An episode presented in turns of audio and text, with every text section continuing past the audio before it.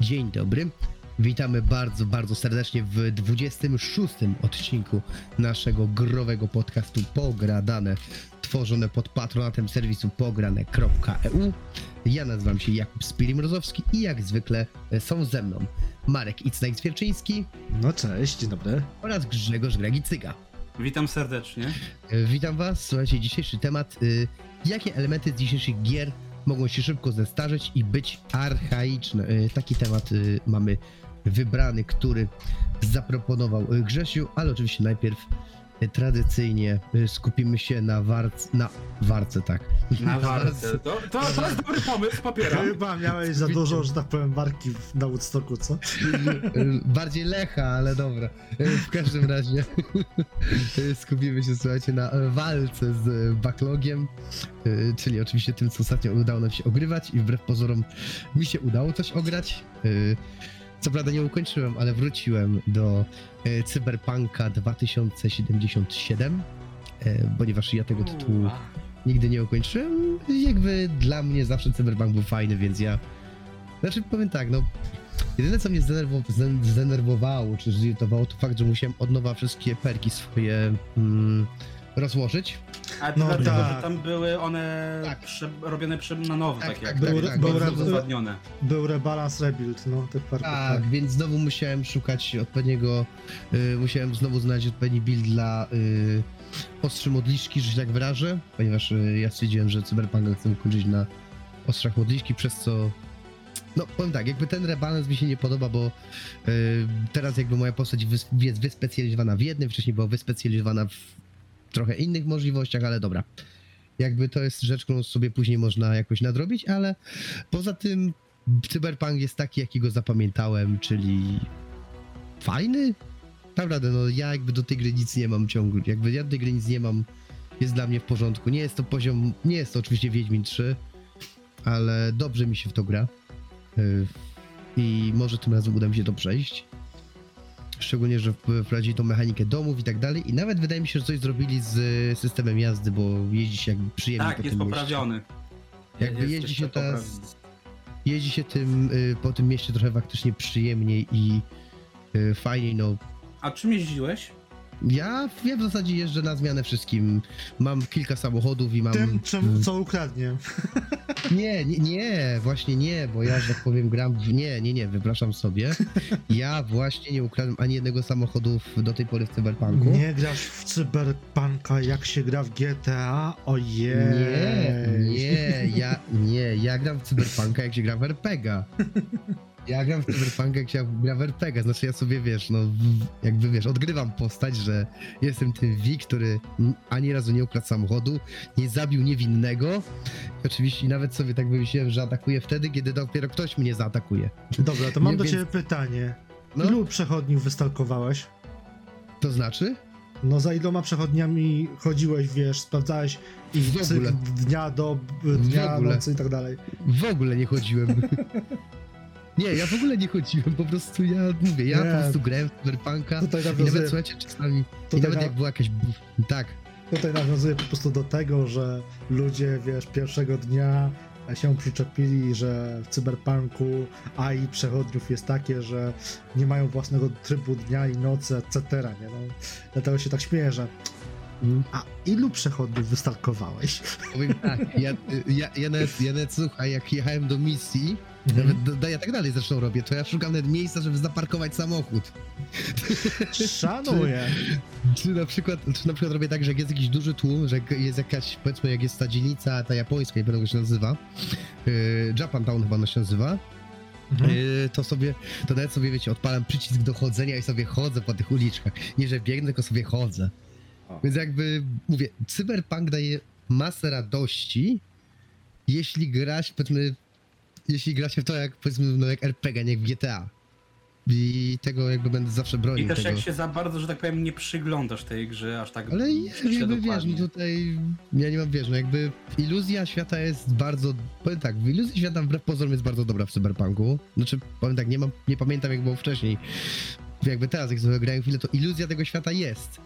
Jakby, nawet jakbyś się zaczął przyglądać w GTA, czy w Wiedźminie, czy we wszystkim, powiedzmy, znalazłbyś tą taką pękającą ścianę, powiem ci tak. to jest... y, Zagraj w Watch Dogs Legion, który może jest gorszą grą od Cyberpunka, ale ma lepiej właśnie wykreowane też życie w mieście niż Cyberpunk. Ale zauważ, Grzesiu, że Watch Dogs Legion, z racji na to, że nie masz jednego, e, jednej postaci, którą kierujesz, tylko skupiasz się na he, legionie postaci, to musieli właśnie pójść bardziej w, że tak powiem, e, życiorys wielu NPC-ów, którymi zarządzasz, niżeli jednego bohatera.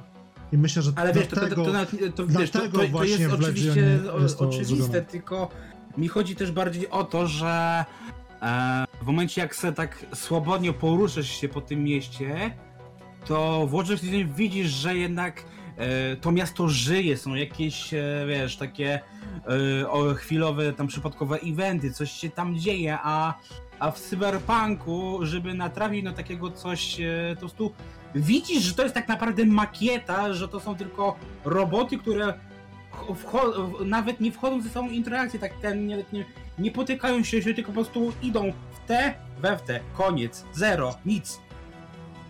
Nie, Aż ja tak się nie szczerze mówiąc, przyglądałem. Ja podobnie i się temu nie przyglądałem, bo po prostu podobnie jak e, Speedy po prostu. Grałem. Po prostu Nie, wolałem po grać, a nie... prostu, ba, po prostu podchodzę do tego jak do RPG, czyli po prostu jeżeli. E, Czyli W rzeczywistości- twórcy. no nie, właśnie twórcy, twórcy od początku mówi, że to jest RPG. Nie, nie, nie, przypomnę ci, na początku tak twierdzili, a później zmienili na Twitterze, że, że to jest gra akcji z otwartym światem i elementami RPG, a nie RPG z elementami otwartego świata. Tego mówię, tak zmieniła się tak, zmienili tak to, jak- to, jak postrzegana jest ta gra. Czy, czy zmienili? Jakby problem tutaj jest jakby... Aż zobaczę na, peł, na stronę główną, że tak powiem, gry. Nie na żaden portal, tylko na stronę główną gry. Sprawdzę to, ale mówcie, mówcie. Mm. Więc jakby mówię, ja do, ja nic nie mam do Cyberpunka. Mi się, ja też tak powiem tak, jak, jakby mam kilka zażaleń, bo jakby dla mój największy, moje największe zażalenie to jest to, to jest mechanika, której nie wprowadzili nigdy, czyli yy, nie wiem. Metro? Nie, nawet nie metro, powiedzmy, chociaż metro by fajnie, chociaż Bieganie metro po by, ścianach?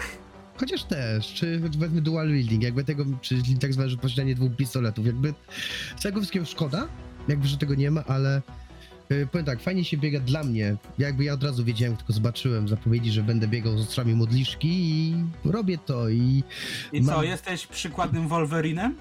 Jestem przykładem Wolverinem, dla, dla mnie to jest naprawdę spoko, nie, jakby wiesz, tutaj trochę, tutaj sobie właśnie trochę pohakuję, tutaj sobie trochę się poskradam, tutaj jak trzeba to właśnie użyję os- ostrz modliszki i dla mnie Cyberpunk jest właśnie takim, powiedzmy tak, zastępstw, ba, bardzo dobrym zastępstwem Deus Exa, którego nie mamy jeszcze. Yy, A Deus Ex, jak wiadomo, jest świetną grą.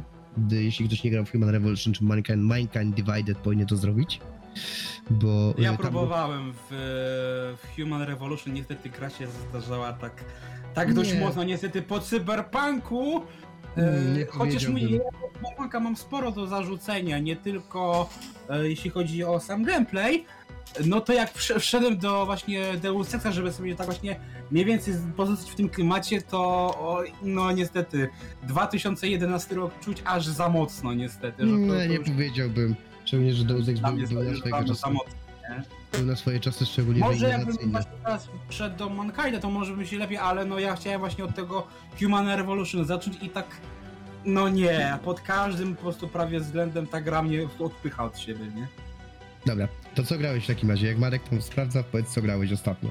A No ja tak właśnie dopiero, że powiem, wracam gdzieś tam do życia, do, do grania, więc jedyną grą, w którą tak troszkę bardziej pograłem, ale też nie jakoś dużo, tylko tak powiedzmy z 3 godzinki, 4 godzinki, to pograłem w Multiversus, które jest w otwartej becie. I to jest taki klon y, Smash Brosa, tylko że y, z postaciami z Warner Brosa.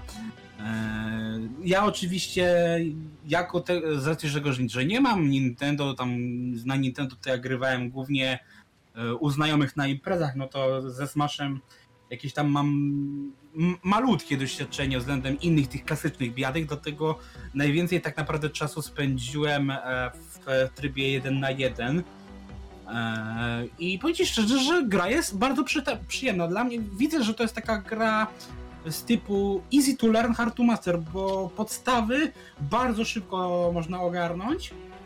ale jednak są takie tam, tak jak na przykład w Mortal Kombat 11, zaawansowane samouczki, żeby bardziej zaawansować mechaniki.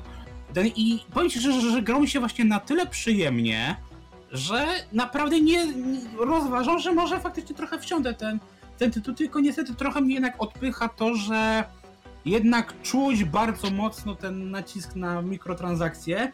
Yy, niestety, jasne, wszystko można za grę oczywiście yy, sobie odblokować i zrobić. I to jest plus, ale niestety i oczywiście dostajemy wyzwania różne, żeby yy, sobie podbić te, mm, te pieniążki na, na nowe postaci i tak dalej.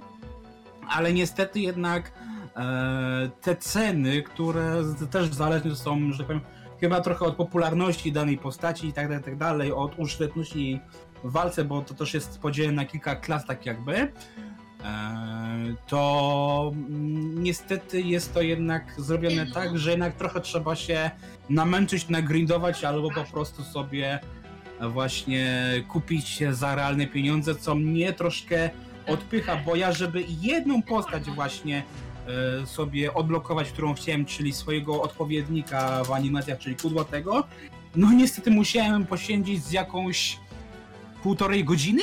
Jakoś tak, mniej więcej. To nie jest dużo względem tego, ile na przykład, nie wiem, trzeba spędzić czasu na e, na przykład na Rainbow Six Sixie, ale myślałem jednak, że będę mógł szybciej to sobie ogarnąć.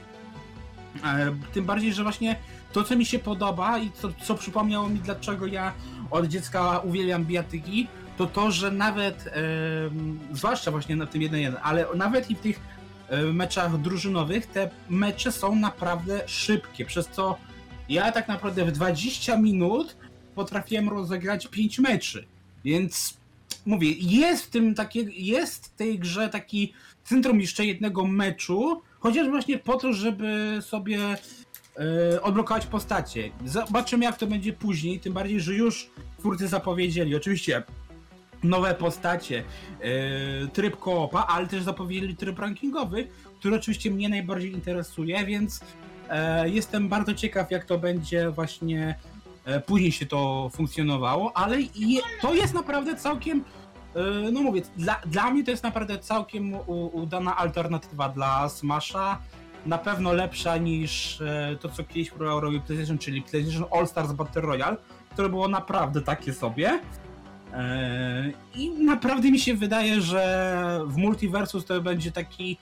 e, W sumie, no już mamy w sumie połowę lata, ale mi się wydaje, że to może być mniej więcej taki hit jak e, Fall Guys, przynajmniej przez e, jakieś tam kilka tygodni, ale z racji też tego, że to jest Warner, a który ma mnóstwo tam marek e, pod sobą, chociaż mm, teraz są z nim różne problemy prze, wynikiem z tego przejęcia, to mi się wydaje, że Multiversus może być potencjalnie takim, mimo tego, że to jest oczywiście zupełnie inny typ gry, to wydaje mi się, że może być takim trochę fenomenem popkulturowym, jakim jest Fortnite, czyli gra jest ok, ale przede wszystkim naciąga cię, napędza cię to, e, że kto, kogo dodadzą, e, jaka postać z danego się pojawi. E, Na przykład już zapowiedzieli, że jedną z pierwszych postaci, które się pojawią w grze, to będzie duet Rika i Mortiego. No to dla dorosłych, no to mi się wydaje, że to jest coś takiego dzisiaj, co warto, że tak powiem, się z tym zainteresować. Mi się wydaje właśnie, że Multiverse będzie taka gra dla wszystkich, i dla młodych, i dla starszych graczy. Dlatego mówię, Czyli- ja na ten moment Multiversus polecam. Grałem trochę w Multiversus i również się przy tym tytule świetnie bawiłem. E, Co do ilości grindowania, że mówisz chyba tam, że grindowałeś godzinę, czy coś na Shaggy- e, Czy godzinę, półtorej, myślę, że nawet dwie godziny, więc mówię, to trochę ja niestety farmiłem- musiałem przy tym spędzić. To nie? ja na Arię Stark farmiłem chyba z 2,5 dnia, No, no, no to, to, to, ale Aria, mówi Aria jest siebie, nie? najdroższą postacią, w sensie są podziały postaci na 1000 z- złota, 2000 I- złota i 3000 złota i Aria była za A to 3000. na 3000 to jeszcze nie trafiłem. Ja wszystkie co trafiłem to były max 2000. I Shaggy, Em. Shaggy był albo za 1000, albo za 2000. No. No, Jak kosztuje Batman? Batman dostajesz Batman, Supermana dostajesz za darmo. Tak, super, a. Batman chyba jest 1500. Batman, Batman jest jest chyba dobry. 1500, czyli, czyli Ale tak Ale jak generalnie, ge, generalnie giereczka jest bardzo, bardzo spoko i to może być bardzo dobry strzał jako tytuł esportowy, z racji na to, że Super Smash Bros. jest tylko tytułem Nintendo. Tak, ten tytuł jest globalny. Jest esportowy. Jest, dalej jest, tylko chodzi o to, że wiesz, tak kiedyś miałeś Brawlhallę chociażby na e, Mhm. Steamie, która też jest, e, że tak powiem, no brawlerem, jak sama nazwa wskazuje, tylko ona nie miała tych postaci takich, wiecie, znanych, nie? W Super Smash Bros. masz postacie Nintendo. Czy Brawlhalla to miała tak jak e, X-Defiant, czy e, postaci znane z uniwersum Ubisoftu, czyli no mimo wszystko z hermetycznego środowiska, bo jak ktoś nie jest e, Szczerze fanem mówiąc, Ubisoftu, to może ich nie kojarzyć, nie? Brawlhallę nie kojarzyłem żadnej postaci, nawet jakoś przez to się nie zainteresowałem. Czy ja pamiętam, że tam była przykład Caveira z Rainbow Sixa, chyba. Tego. Ale e, no, bądź co bądź w szero- w szerokiej gamie są bardziej znane postacie właśnie Nintendo, bądź jakieś filmowe typu właśnie e, Warner Bros. I masz rację, że tutaj bardzo wiele można pędzić właśnie, e, że ta gra może wystrzelić tak jak Fortnite swego czasu, ale mam co do niej jedną obawę Mm. Że ta gra kompetytywnie będzie prawdopodobnie 2 na 2 Bo nawet No ja bym wolał jeden na jeden, no bo bo nawet się, że rekomendowany tryb jest 2 na 2 tak naprawdę w dwa tej na grze. dwa. No pewnie I tak, choć to- właśnie dla mnie no to, to jest za duży chaos, żeby w takim I- maksymalnym wariancie poszedł to na eksport, nie? Przysz, e, przez to masz te właśnie takie klasy typu zabójca, supporter, mocarz, tank i mag, którym chyba w tym momencie w magach masz chyba tylko Toma i Jerego. No tak. No się mówię, jeszcze nie, nie grałem wszystkimi, nie wiesz, ja chciałem odblokować swoją postać, czyli kudłatego, bo chcę w końcu zagrać z sobą, e, no bo wiadomo. E, No i ten więc e, wielki, no i przepraszam cię bardzo, w końcu gracze Mortal Kombat mogą zagrać Shagim Halo.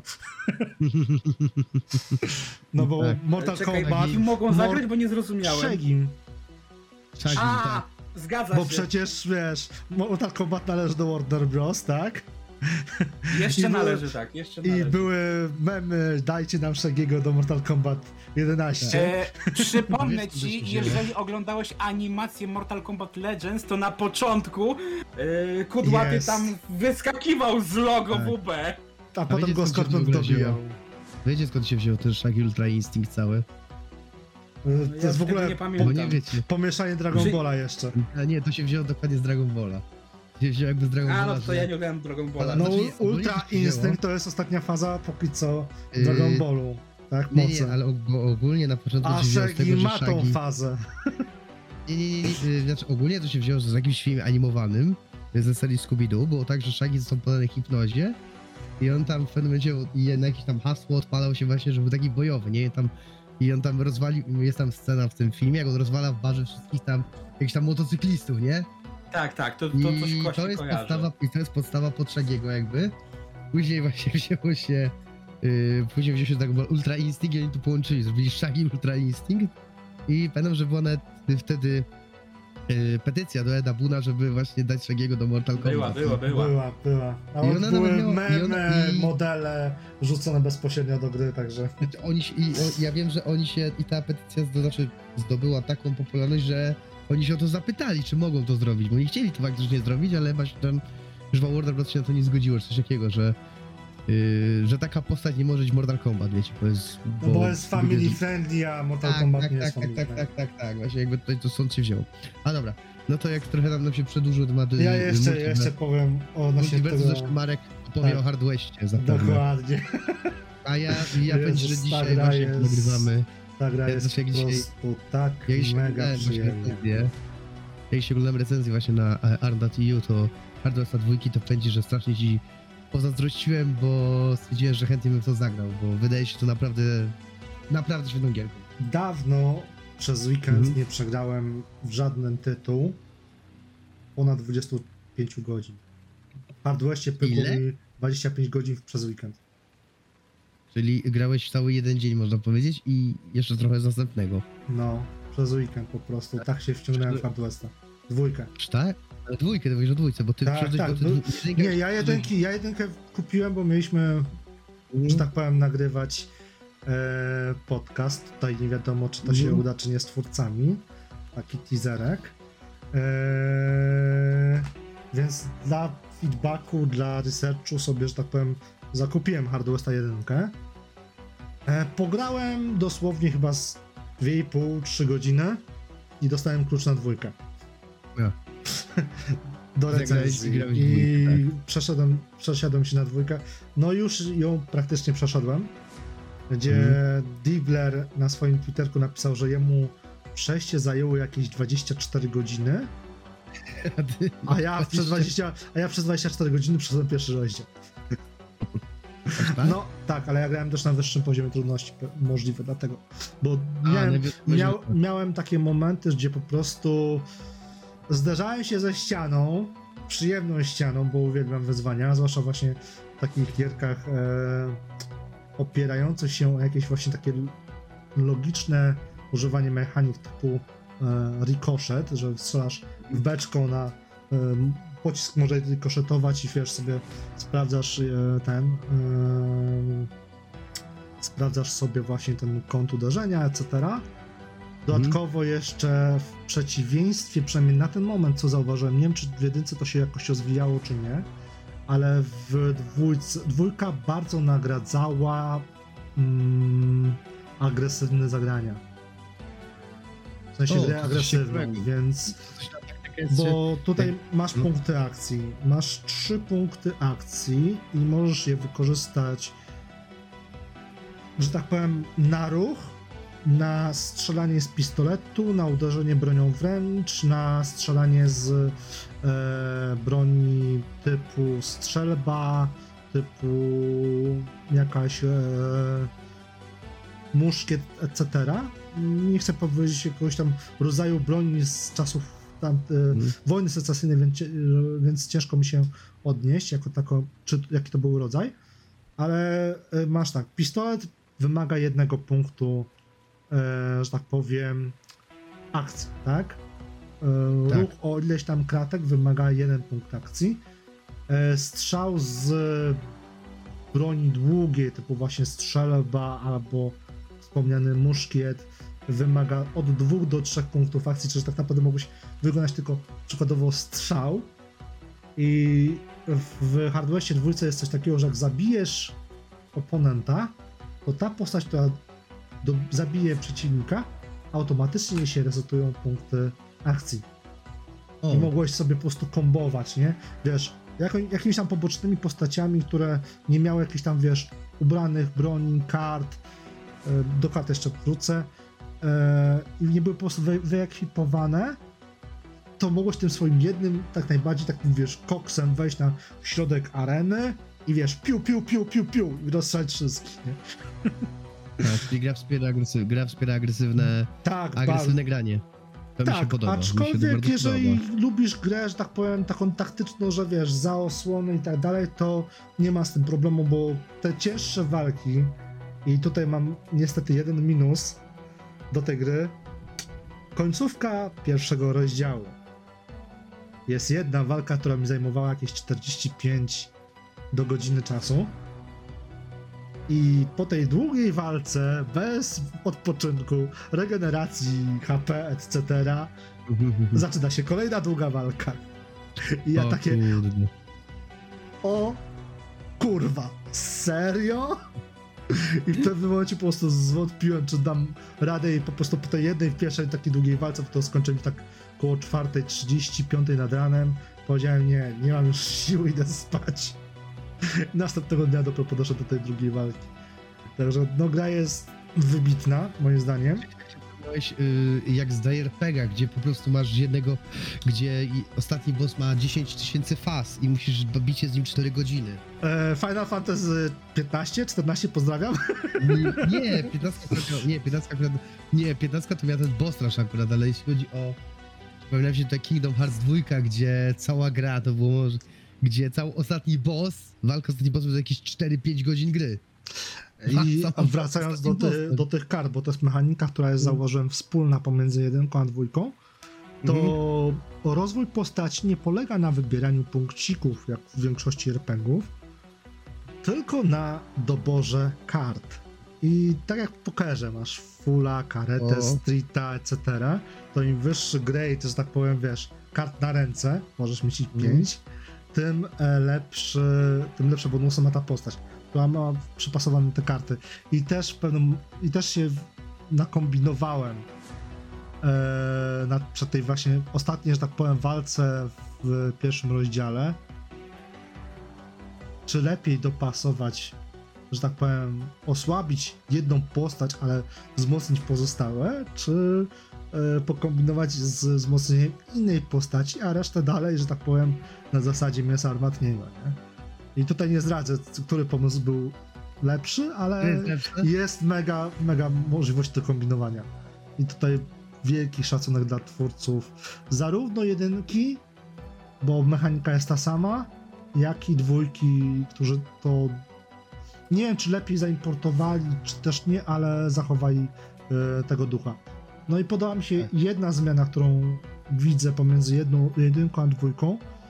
Jedynka Hard Westa, jak e, poruszasz się po mapie, to jest bardziej Mhm. taka mapa, powiedzmy, bitewna, tak? Masz mapę i poruszasz się pionkiem, tutaj odznaką e, po, po planszy, tak? W przypadku Hard Westa dwójki masz ten jednak poczucie tych, wiesz, swoich kompanów, e, którzy jadą za tobą konno i ty kierujesz tym, tymi bohaterami. I jest o wiele lepszy feeling rozgrywki, moim zdaniem. Bardziej taki RPGowy, nie? No i powróciłem hehe do World of Warcraft.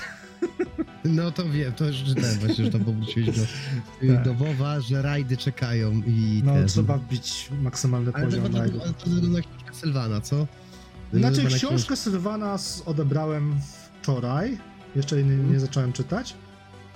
Eee, a po prostu moja stara ekipa w WoWie się zebrała, żeby e, na Discordzie było takie pytanie e, hej chłopaki, rajdujemy ponownie, zbieramy ekipę, no i Żeby pokazać nobom, jak to się robi. no something like that. I że tak powiem dzisiaj... A to nie jest tak było, że takie podejście, ej chłopaki, sprawdźmy, czy jeszcze umiemy grać? Wiesz co, no... Czy już nie jesteśmy za starzy na to? WoW wbrew pozorom jest wymagający na tym wyższym poziomie trudności. Eee, tutaj bardziej chyba jest kwestia tego nie czy potrafimy, tylko czy mamy czas, żeby tak ha- tryhardować. Ogólnie mi się na przykład... Nie, bo wiesz, też jak się też gra zmienia, no to też potem wiesz, potem jest też tyle tych zmian wprowadzonych, że jeżeli nie jesteś z tym na bieżąco, to takie ej, czy my sobie jeszcze damy w tym radę, nie? Tak jest z na przykład Czy wiesz co, w tu, WoWie- tutaj w WoWie, zrobione. w WoWie masz tak, że masz content patche. Na przykład Shadowlands te content patche trwały bardzo długo i ja przykładowo pół roku nie grałem, bo e, właśnie nie było takiego... Mhm. Znaczy jeden tier w ogóle zeskipowałem, bo nie chciało mi się grać. Grupa mi się właśnie rozpadła i nie chciało mi się szukać nowej. I pewnie gdyby się nie zabrała w większości nowa, e, stara grupa, to nie, nie wraca do WoWa. Ale tutaj masz tak, że każdy początek content patcha, ten akurat wystartował w zeszłym tygodniu, więc relatywnie fre, fresh start, e, jest taki, że masz tyle catch-up mechanizmów, które pozwalają ci się wrócić do tej gry. Na zasadzie podwyższony item level z tych początkowych dungeonów, y, przez co się szybciej girujesz i wchodzisz tak naprawdę właśnie na ten poziom rajdowy, pozwalający rajdować, że nie masz czegoś takiego, że nie grałeś pół roku i nagle musisz nadrobić te pół roku przez kolejne pół roku w farmie, tak? Więc tutaj pod tym kątem jest to w miarę fajnie zrobione. No i zresztą chyba w każdym MMORPG, mam wrażenie. I Tak, trzecią grą Jeszcze coś masz? ja? To jeszcze, jeszcze coś pograłem. Dobra, Eee, pomijam kwestię Ubisoftu, żeby po nim nie, hej, nie jeździć, tylko wspomnę, że. Ubisoft Wildlands y, przez 3,5 godziny prawie, no nie, przesadę, nie 3,5, trzy- około 3 godzin nie dało się w ogóle pograć i 3 godziny wyjęte z życia, Ubisoft zrzucił za to pieniądze z życia. Eee, to jeszcze sobie Całe po- 4 złote. 3 godziny razy 30 euro. Nie, to sobie pograłem, pograłem sobie w PUBG'a ze znajomymi. O rany boski. No. I się mocno wkręciłem. Co? No. Powiem ci, że... Ulga? PUBG'a, tak. Bo do Warzone'a póki co czekam aż wyjdzie Warzone 2.0, czyli Modern Warfare 2. To żeby sobie pograć trochę w Battle Royale'a i mieć ten powiedzmy feeling, no to sobie pograliśmy ze znajomymi w PUBG'a i też potrafiłem zarwać nockę, nie? I w PUBG'u jest to fajne, właśnie, coś czego Mm. nie było te powiedzmy półtorej roku temu, czy dwa lata temu jak grałem ostatni raz, że masz tych map ileś sztuk. I sobie po prostu zaznaczyliśmy opcję grania w, w trybie FPS, czyli z pierwszego, e, z widoku oczu, z pierwszej perspektywy i randomowe mapy. I tak naprawdę nie czuliśmy przez te parę godzin, jak żeśmy grali chyba jedna mapa po pół godziny, graliśmy map z 30 przez weekend, jak ty byłeś na Woodstocku właśnie, to żeśmy zagrali z 30 map pół godziny i nie czułem w ogóle znużenia. Bo cały czas trafiała się jakaś, powiedzmy, była ta rotacja tych 6-7 map, ale nie grałeś cały czas tej samej mapy, więc y, nie było, nie było to takie nużące i się fajnie, fajnie się strzelało. No. Więc y, no, w każdym razie y, ja też w tym czasie, jak Marek zrywał noce, to ja też zrywałem noce z innego powodu, myślę. Wspomnianego przez chwilę. Nie, i chodziłem na koncerty oczywiście, tak? Chodziłem na koncerty, dobrze się bawiłem, ale dobra, no to nie jest podcast o Poland Rock, a raczej o y, grach, jakbyś. Chociaż powiem wam, że y, ciekawostka, jest gra planszowa Poland Rock, jest gra Jest, planszowa, którą y, nawet y, korciło mnie, żeby zagrać, ale y, ostatecznie nie zagrałem, nie dotarłem tam, ale dobra. Y, Dzisiejszy temat, słuchajcie, jak już wcześniej po, wspomniałem, zacząłem na początku, to jest jakie elementy z dzisiejszych gier mogą się szybko zestarzeć i być archaiczne. Y, czyli temat w zasadzie o wszystkim i o niczym. Ach, czekaj, czyli- czekaj, bo jeszcze mieliśmy przecież wrócić do Cyberpunka. Cyberpunk, A. komputerowa, fabularna gra akcji. Czyli jakby fabularna gra akcji jest to synonim RPG. Tak. W Znaczy, sumie, oni w sumie chyba ze trzy razy zmienili to, jak jest ta gra, wiesz, klasyfikowana, ale mówię, mówię No, na ale początku mówię, nawet mówię, ci, przed- jak to jest w tym momencie, na ten moment. Po prostu. jakby na oficjalnym profilu na Facebooku RPG Mrocznej Przeszłości stworzony przez CD Projekt Red, więc no... Jakby dobra, jakby mówię, czepiając się... Zamykając temat Cyberpunka. Znaczy, zam, tak naprawdę zamykając i jednocześnie otwierając, bo możemy mówić o RPGach, jak one się zestarzały na...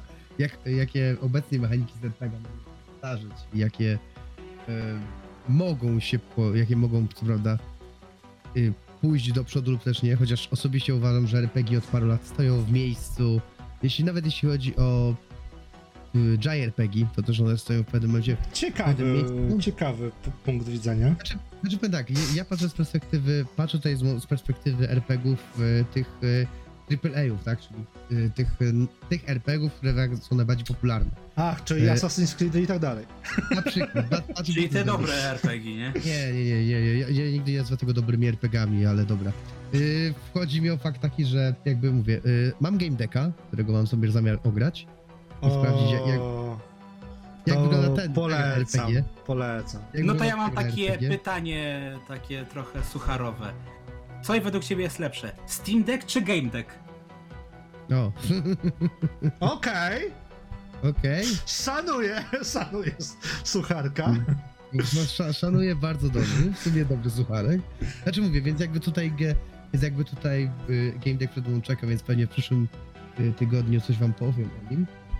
Y, bo chcę pograć właśnie w te bardziej, że tak powiem, niszowe RPG, typu właśnie Game Deck, może Disco Elysium, y, mod uda mi się trafić, czy coś, żeby właśnie ocenić, jak wygląda ją z tej perspektywy, wiecie. I klasy, powiedzmy, klasyczne, izometryczne RPG, y, takie jak Baldur's Gate czy Icewind Dale które... O, to jest dobre pytanie akurat do Marka. Y, Marek, Baldur's Gate 3 No, jest klasycznym grą, klasyczną grą RPG. w 100%. Może. Tak. Y, ale czy, i czy mechaniki, które tam są, korzystają z systemu, chyba z y, Dungeons and Dragons systemu Piątej edycji. y, piątej edycji, to nie, piątej edycji. Mhm. Czyli tak to jest i- aktualnie. Tak, czyli tej, która jest aktualna. I jak, no, jak patrząc z perspektywy tego, że jest to gra, która jest do, yy, dostosowana do ogół, do pewnego do pewnego rodzaju odbiorców, czyli do fanów Dungeons and Dragons, wiadomo, czy fanów, czy też fanów Baldur's Gate'a, jak zapatrzysz się na W ogóle to, może się... Forgotten Realms bym powiedział. O, dokładnie, no, dziękuję. Dokładnie Forgotten Realms. Jak to może się... Jak to może się zestarzeć? Ponieważ ogólnie ja tutaj wysunę tezę, że Mhm. jeśli ktoś ma unikalną mechanikę, czy też mechanikę, która jest w jakiś sposób nies- niespotykana, czy niespodziewana, gra wolniej się zestarzeje. Więc może wysuniemy... Czy że- wiesz co, No, można, wiesz, to wtedy już można to zrobić na kwestię taką, że wiesz, e, ta mechanika może być potem rozwijana, ewoluować. E, przykład Souls-like'ów, tak naprawdę jak się, wiesz, spojrzy na Elden Ringa i potem Demon Souls, to mimo tego, że cały czas mamy dokładnie to samo, to jednak Nie jest jednak taka różnica e, mi- między tymi grami, że no jednak w Demona trochę trzeba się przyzwyczaić do pewnych elementów, których no nie, wiesz, są w późniejszych grach, a nie ma w Demonie, nie? Wiesz o co chodzi, że Jestem w stanie... nawet Nie, ta Jest, czekaj, jest, unikatowa mechanika może się zestarzeć względem późniejszych jej e, iteracji. nie? jestem w stanie zrozumieć punkt widzenia, że osoby będącej z boku gatunku Souls-like, że te gry są e, takie same. Tak. Bo ty Ale mówisz, nie. Grzesiu, że nie jest, ale ty mówisz to z perspektywy, którą znam również, bo też się nie zgodzę, że te są takie same, etc., ale jestem w stanie zrozumieć, że dla osoby stojącej z boku, nie grającej za bardzo w ten gatunek, te gry są... Nie, Nie, to powiedziałbym, jest- to- że jeden do jeden, ale bardzo zbliżone. Ale wiesz, to, to jest, że tak powiem, normalne, bo to tak samo, wiesz, jest z FIFA czy Call of Duty. Jak się stoi z boku, to wygląda dokładnie tak samo, ale jak się siedzi w tym bardziej, to się widzi te mniejsze zmiany.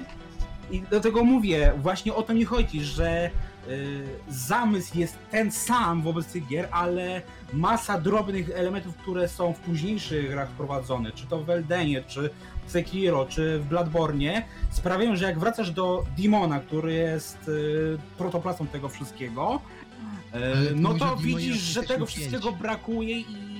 Tak, oczywiście na PlayStation No właśnie, 5, a porówna... ale nadal to jest remake gry przełożony na, jeden do na jednego zupełnie innym nie? silniku. Mówisz o zupełnie innym silniku gry. Jeśli chciałbyś porównywać, musisz wziąć wersję z PS3, na która wzor- tak to się wzorowało. Ale ten remake jest bardzo dokładnie oddaje to, co było w tym.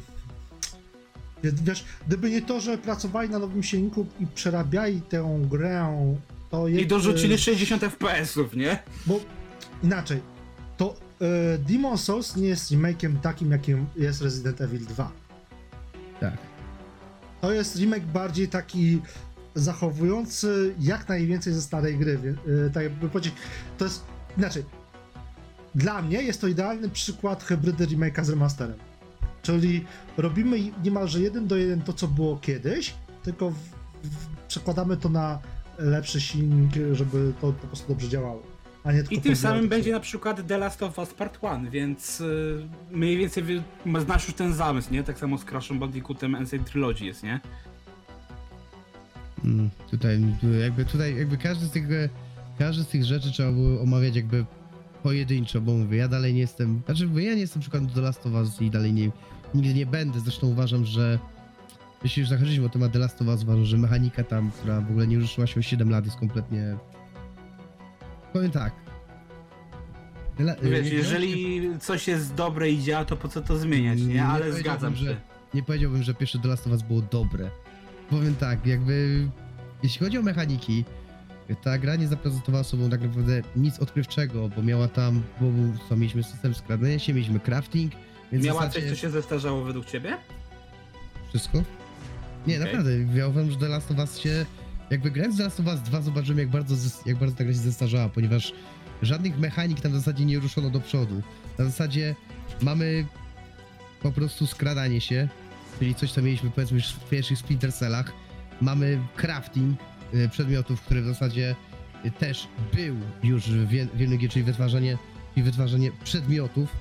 Powiem, powiem szczerze, powiedzmy, grając w The Last of Us, można równie dobrze mógłbym też odpalić Splinter Cell Conviction, który jest grą sprzed chyba Chyba z 2000 też chyba 11, chyba z 2011 wyszło Conviction, nie pamiętam. Ale wiesz, że tutaj zamysł był taki, że ta rewolucja to się zmieniła tak naprawdę, zadziała na polu narracyjnym, a nie na gameplayu, Nie. bo faktycznie gameplay to ta... Gdybyś zabrał tę historię, to faktycznie ta gra Nie e, od gameplayowej znaczy nie jest tak. 2010 nie powiedziałbym, że historia w The Last of Us jest specjalnie odkrywcza dla kogoś, kto siedzi w klimatach Ale to jak została poprowadzona. Znaczy, Nie, tutaj mówię, no też ja się nie wiem. zgadzam, że nie wiem, God of War zrobił to lepiej, ale no faktycznie przed Jakby- The Last of Us ciężko znaleźć taką Nie, grę nie tak znaczy, e, znaczy tak, The Last of Us zrobiło coś, czego nie zrobiło się jakby, jakby nie wiem, jeśli, czy możemy, jeśli możemy powiedzieć coś, słuchajcie, e, w, spoilerowo, jeśli mówiąc o The Last of Us Part, The Last of Us e, 1 czy Part 1, czy jak to woli, to Mhm. dla mnie w ogóle nie ma, dla mnie jest kompletnie jakby gwoździem do trumny tej gry, to fakt, osta, fakt decyzji, e, która, która jest Joela. Właśnie tej decyzji, która jakby jest... no, która Chciałbyś tu mieć wybór, Tak, uważam, że wtedy byłoby to lepsze. Ponieważ to ja ale mam wtedy nie wybór. mogłaby dwójka powstać.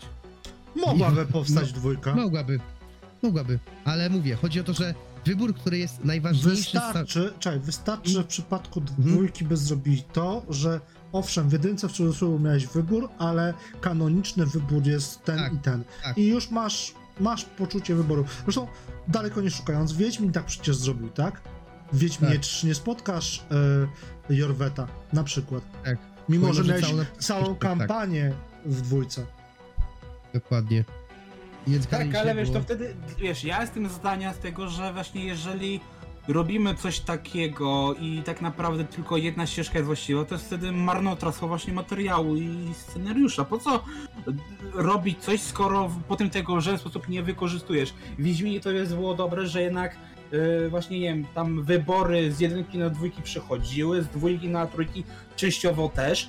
I to było właśnie fajne, ale jeżeli Ale zrobisz, że masz wybór, a tak na który później on nie ma żadnego odzwierciedlenia, no Ale to po co w ogóle to robić? Można było przerzucić save, tylko przykładowo Tak. wybór z Joela by miał Tak. inny sens zupełnie, tak?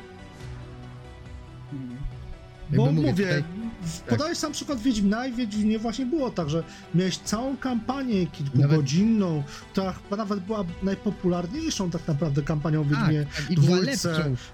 E, pod, pod kątem Jorweta i Jorweta Tak. w trójce nie ma. Dokładnie.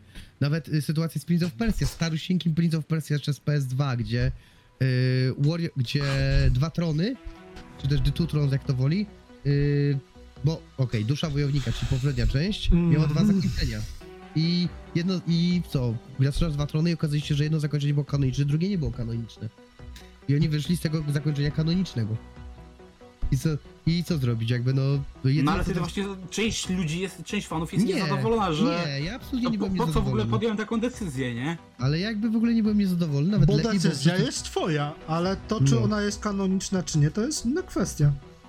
Jedno nie wyklucza drugiego w tej sytuacji. Yy, każdy Dark Souls praktycznie. W każdym Soulsach masz przecież dwa, dwa albo trzy zakończenia i jakby zakończenia są również nie kan- są kanoniczne i niekanoniczne.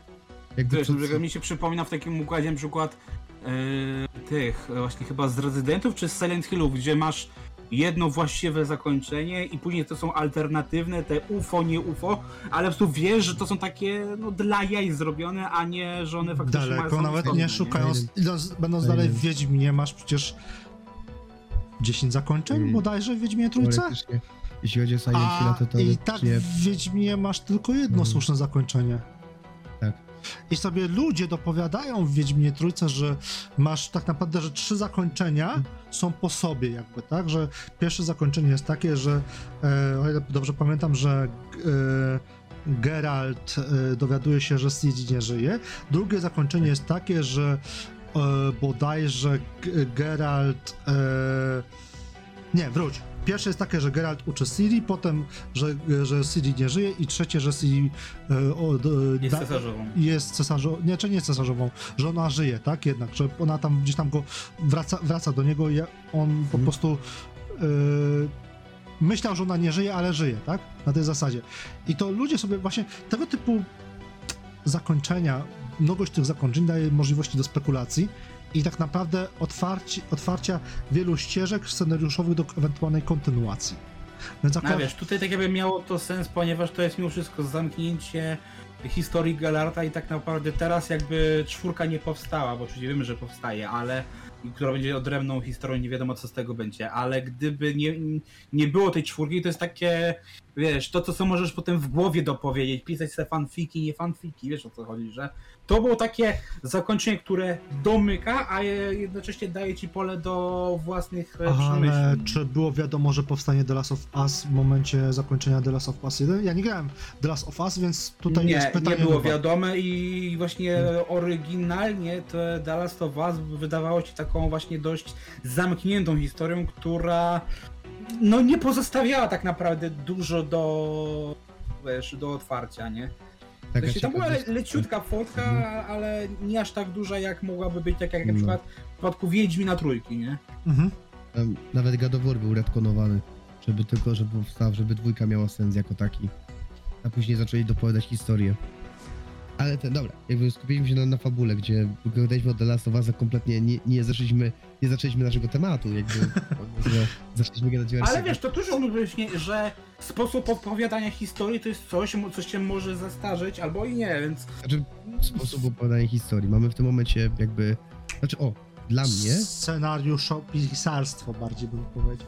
Dokładnie, ale jakby powiem tak, dla mnie na przykład gry Davida Cage'a, każdą grę Davida Cage'a, i nie, nie mówił studia Quantic Dream, tylko będę mówił konkretnie gry Davida Cage'a, są obecnie niegrywalne.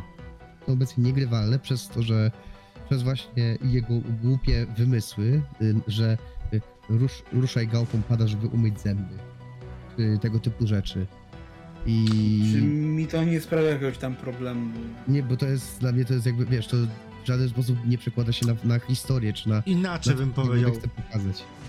Jako No. powiedzmy pokazanie co są możliwości, mechaniki, etc., ciekawostki, jest to Mhm. spoko. Patrz chociażby Dei- e, Hideo Kojima i przekładanie karty e, w, e, z PlayStation, Metal, PlayStation, Metal Gear Solid, Tak, tak? tak, tak, to, tak. to też niby mechanika tak naprawdę z dupy, nikomu niepotrzebna, tak? Taki Ale- bajer tak Ale naprawdę. feature i tak naprawdę dobrze zaprojektowany feature sprawił, że jest to takim troszeczkę e,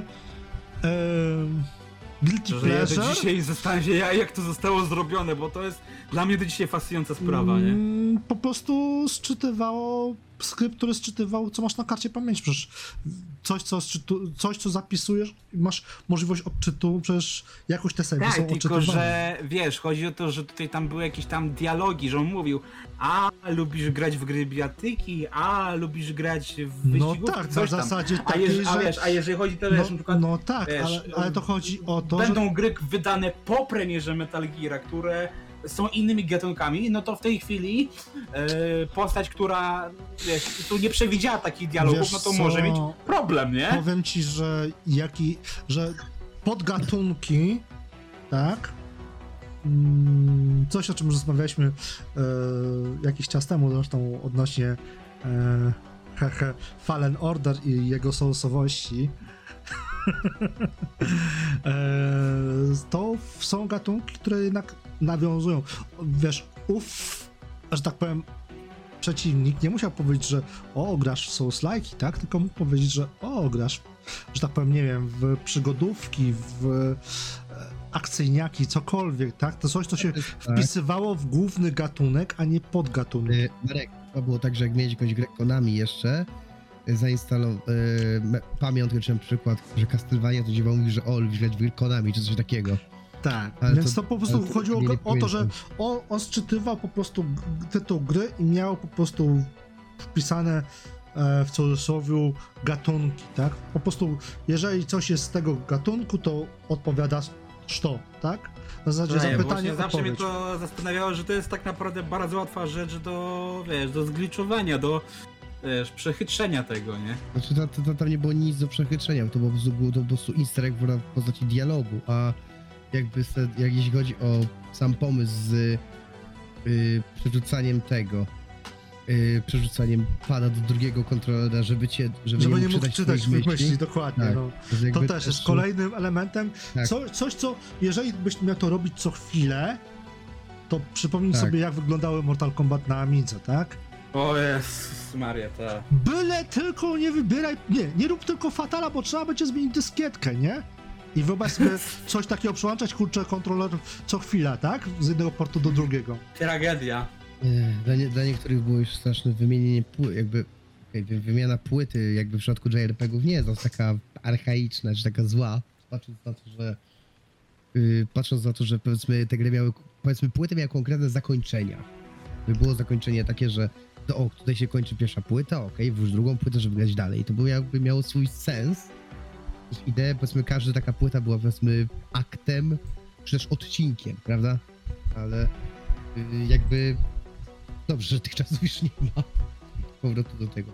Ale dobra, na przykład takie jakby takie easter eggi, czy takie właśnie y, żarty, one jakoś gdzieś zaginęły w, y, w grach i że tego się tego nie spotyka. Chociaż Bo y, dzisiaj zap- mało kto ma poczucie humoru, bo dzisiaj się nie wolno z niczego śmiać, pamiętaj. To też prawda, to akurat jest prawda, ale słuchajcie, ale y, zapytam was o pa, taką fajną jedną mechanikę, gdzie y, którą bardziej, znan, bardziej znaną zresztą mechanikę, co sądzicie o mechanice, że sądzicie, mechanika Nemesis, którą pe, pewien czas się bardzo dużo ludzi jarało, która jest, y, co ciekawe, nieciekawe, y, jest y, opatentowana, więc Właśnie. nie można więc Właśnie dlatego masz odpowiedź, dlaczego tego typu mechanika się nie pojawia. Bo jest opatentowana. tak, ale jakby... Jakby nie był była zły, opatentowana, to możliwe, żebyśmy mieli większej ilości gier. Czy, Czy, czy nie jako właśnie Watch Dogs, to taki trochę quasi Nemesis, tylko na, na okrętkę, nie? Tak na dobrą sprawę, właśnie Nie w grałem, to więc zmienianie tych. NPC-ów. Znaczy mówię, no jakby... Tak mi się to mnie- przynajmniej kojarzy, że... Jakby dla mnie Watch Dogs Legion, jego, jego sposób na to, że ej, graj każdą postacią jest trochę taką ślepą, taką trochę ślepą uliczką, bo wiecie, fajnie, że możemy, każdy, każdy NPC może być naszym bohaterem, to jest super, ale z drugiej strony patrząc na to, że przez to nie mamy żadnego wyrazistego bohatera, a jednak chcemy, jakby w historii 5. na przykład, nie, wie- wiesz, Dogs Legion nigdy nie osiągnie poziomu, żadna postać w Watch Dogs Legion nie będzie miała tyle charakteru, co Trevor, co cokolwiek. I dlatego to jest właśnie coś, co jeżeli nie zostanie odpowiednio rozwinięte, to jest coś, co się bardzo szybko właśnie zestarzeje, no bo Tak, mówię, to to, jest jest, świetny pomysł, To jest mechanika, która to jest mechanika, którą, no Która- niestety, jeżeli... Która już się zestarzała po roku. Tak, to jest mechanika na jedną grę, która się zestarzała tak naprawdę. Tak samo jak warto, warto przypomnieć zresztą o systemie leczenia, który który do dzisiaj w sumie jeszcze Funkcjonuje. występuje w, boomer, w tak zwanych teraz boomer shooterach, czy też y, starszych arena shooterach, czy retro shooterach, jak to woli. Ale na Nie no, w, nie, nie, nie, nie, nie. Teraz to po, po, po, popełniłeś chochoła, to coś strasznego. To W znaczy? shooterach nie miałeś mechaniki autoleczenia, przepraszam cię bardzo, miałeś nie, apteczki. nie, a ja, nie ja, ja nie mówię to, nie mówię Chodzi mu o Ja właśnie podnoszenie apteczek Ja mówię o podnoszeniu te- te- te- apteczek. Ja mówię o podnoszeniu Okej, apteczek to-. To, to jest tylko właśnie shootera, trzeba bo teraz już w tym momencie tu tego nie masz. Poza e, Doomem, tak. który jest no, nomen omen siłą rzeczy boomer shooterem tylko w ładnej oprawie, to nie To masz tylko to w boomer shooterach jeszcze Ale- takim, no jeszcze w Wolfensteinie to jest. No, Ale czy Wolfenstein też jest- tak. Wolfenstein też jest, e, to też jest, e, że tak powiem, uśmiech w Ale kierunku czy starych graczy. wyobrażacie sobie teraz w Call of Duty E, W przykład? Prodeusie to jeszcze też masz, no bo ale to właśnie, to właśnie tylko jest w boomer shooterach, nie? Takich właśnie jak Prodeus, jak...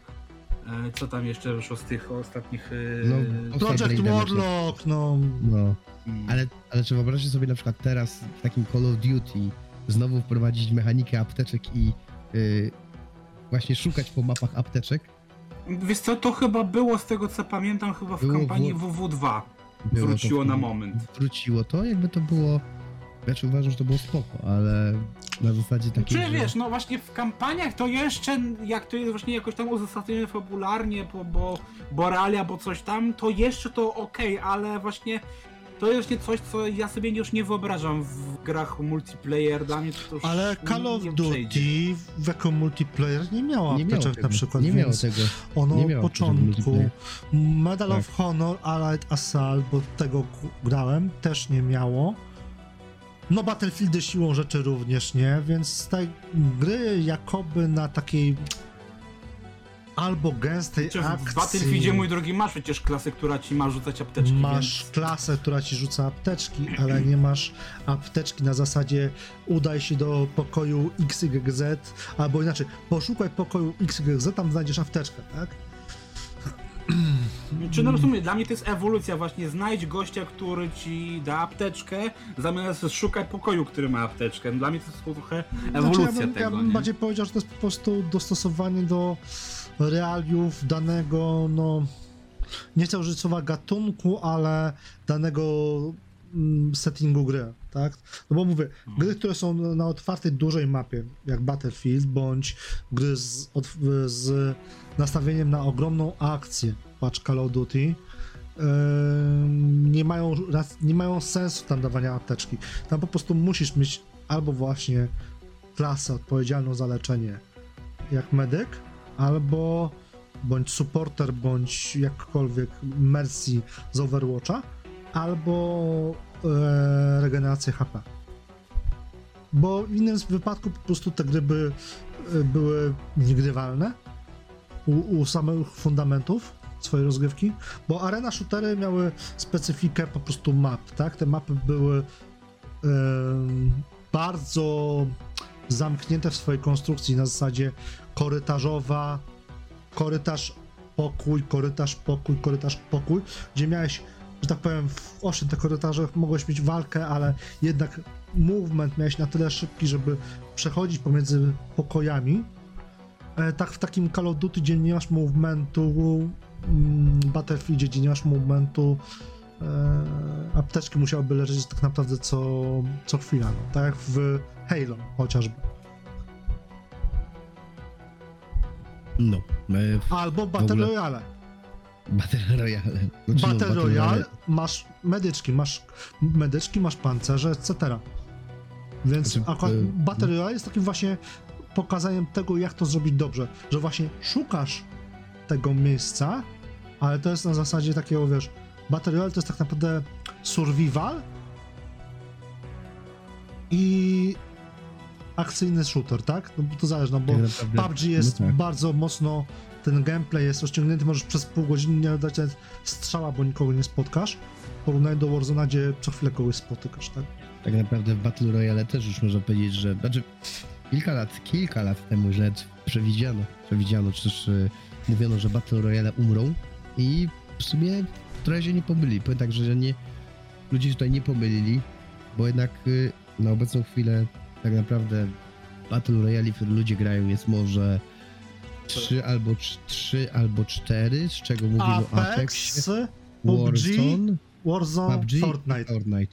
Więc tak naprawdę tylko tych czterech się liczy. Ale I- PUBG już też odchodzi trochę w, w niepamięć, więc ja bym jednak skrócił to do trzech. No ci trzej na pewno. E, Ci, czekaj, na pewno PUBG mówisz, że odchodzi niepamięć, patrzy na statystyki Steam Charts i akurat ma wzrost. A, jak ma Z, ale no, to, no czasy świetności ma już za sobą, tak? Tak naprawdę twoje No, 50 już miał jest to i- czwarta gra na Steamie, jeżeli chodzi o ilość graczy. Także no Mm. nie wiem, czy bym, nie powiedziałbym, czy jest to gra, która Znaczy, jest e, u schyłu swojej popularności. co, o, powiedzmy tak, powiedzmy, że Apex czy Warzone czy Fortnite mogą być bardziej popularne, ale PUBG też ma swoją niszę.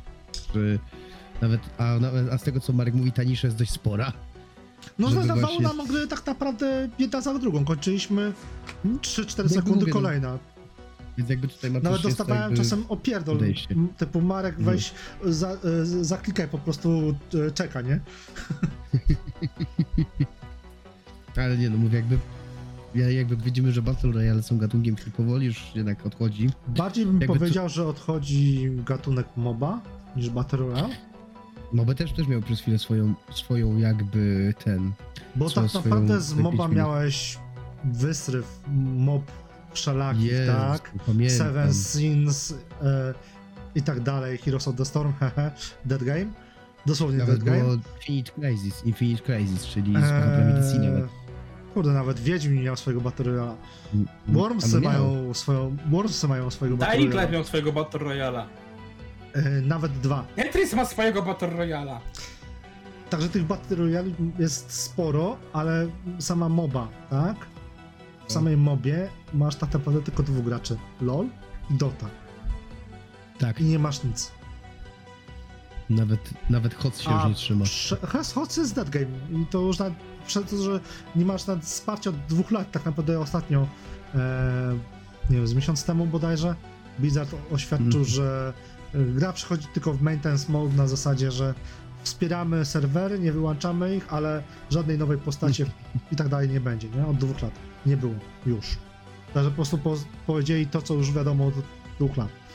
Ale wracając jeszcze mi chodzi do moby, nie uważacie, że ten, że ta właśnie ta mechanika rozgrywki, która już ma przeszło tak naprawdę 26 lat, nie, nie, nie, prze, nie właśnie się nie, nie zestarzała w swojej, w swojej konstrukcji, konstrukcji głównej, podstawach? Moba, jako, jako, powstała, jako powstała w Warcraft 3, Nie, znaczy przy ja pamiętam MOBę, ja pamiętam MOBę z Warcrafta 3 Dota, i Dota. Dota z Warcrafta 3, tą pamiętam. a Dota powstała i na nawet- podstawie właśnie StarCrafta, jedynki, Tak, a, a ono Strife. więc jakby tutaj, więc jakby... Dlatego i- powiedziałem około 26 lat ta mechanika. Mi chodzi o samą mechanikę rozgrywki. Trzyma się A, 26 lat. na to, jak dalej jest ona popularna, i jak dalej dużo, dużo ludzi w to gra, No w tym momencie że jest... w, do, y, w Dotę 600 tysięcy. W tym momencie. Tak, więc ja po prostu jestem tym zaskoczony, ale nie dziwię się, ponieważ jest to bardzo wciągająca mechanika i u podstaw jest ona bardzo prosta, a później można ją właśnie prze... Yy, to jest takie, o, to jest takie typowe easy to learn, hard to master, czyli każdy może grać, zagrać tak naprawdę w mobę i dobrze lub źle się bawić, ale grać może, tak? Jakby już, już tak pomijamy kwestię community, tak? Pomijamy kwestię komu- toksycznego community i tak dalej, ale patrząc na to, że MOBA ma bardzo satysfakcjonującą tą rozgrywkę na zasadzie, ja to nazwałbym powiedzmy, poszedłbym dalej i powiedział, że to jest takie trochę MMO w pigułce. Ja taki- popełniłem chochoła w tym momencie, bo jeszcze mamy Strife'a, który Strife. jest bądź co bądź innym rodzajem moby niż Dota i LoL. Mówisz, To Smite, jest- nie- to nie jest Smite. Tak, Smite, bo Strife A, no, Strife był, Strife był taki sam, tylko od Epika, którego Tak. z- za, zamknął po pół roku. E, tak, chodziło mi o Smite'a, tak, Smite. Smite też się jakoś trzyma, szczególnie, że Smite jako, trzeba to powiedzieć, że jedna z niewielkich, że dostała tutaj współpracę ze Slipknotem, co już było dla wielu Ale nie, mi Yy, chodzi o to, że mhm. właśnie Smite pokazał, że można coś dać nowego i do gatunku i się to nie zestarzało w samym właśnie jakoby nawiązując do tematu, ale z drugiej strony nie mieliśmy za dużo klonów Smite'a. nie. I czy to właśnie nie jest problem tego, że ta mechanika widoku z trzeciej osoby, jeżeli nie masz pomysłu na, że tak powiem, uniwersum, to nie masz podejścia z, z, tego, typu, z tego typu mechaniką? No bo Epic Hmm. też próbował swojego, z, zrobić swojego e, e, Tak. Smite'a i to był bodajże właśnie Strife.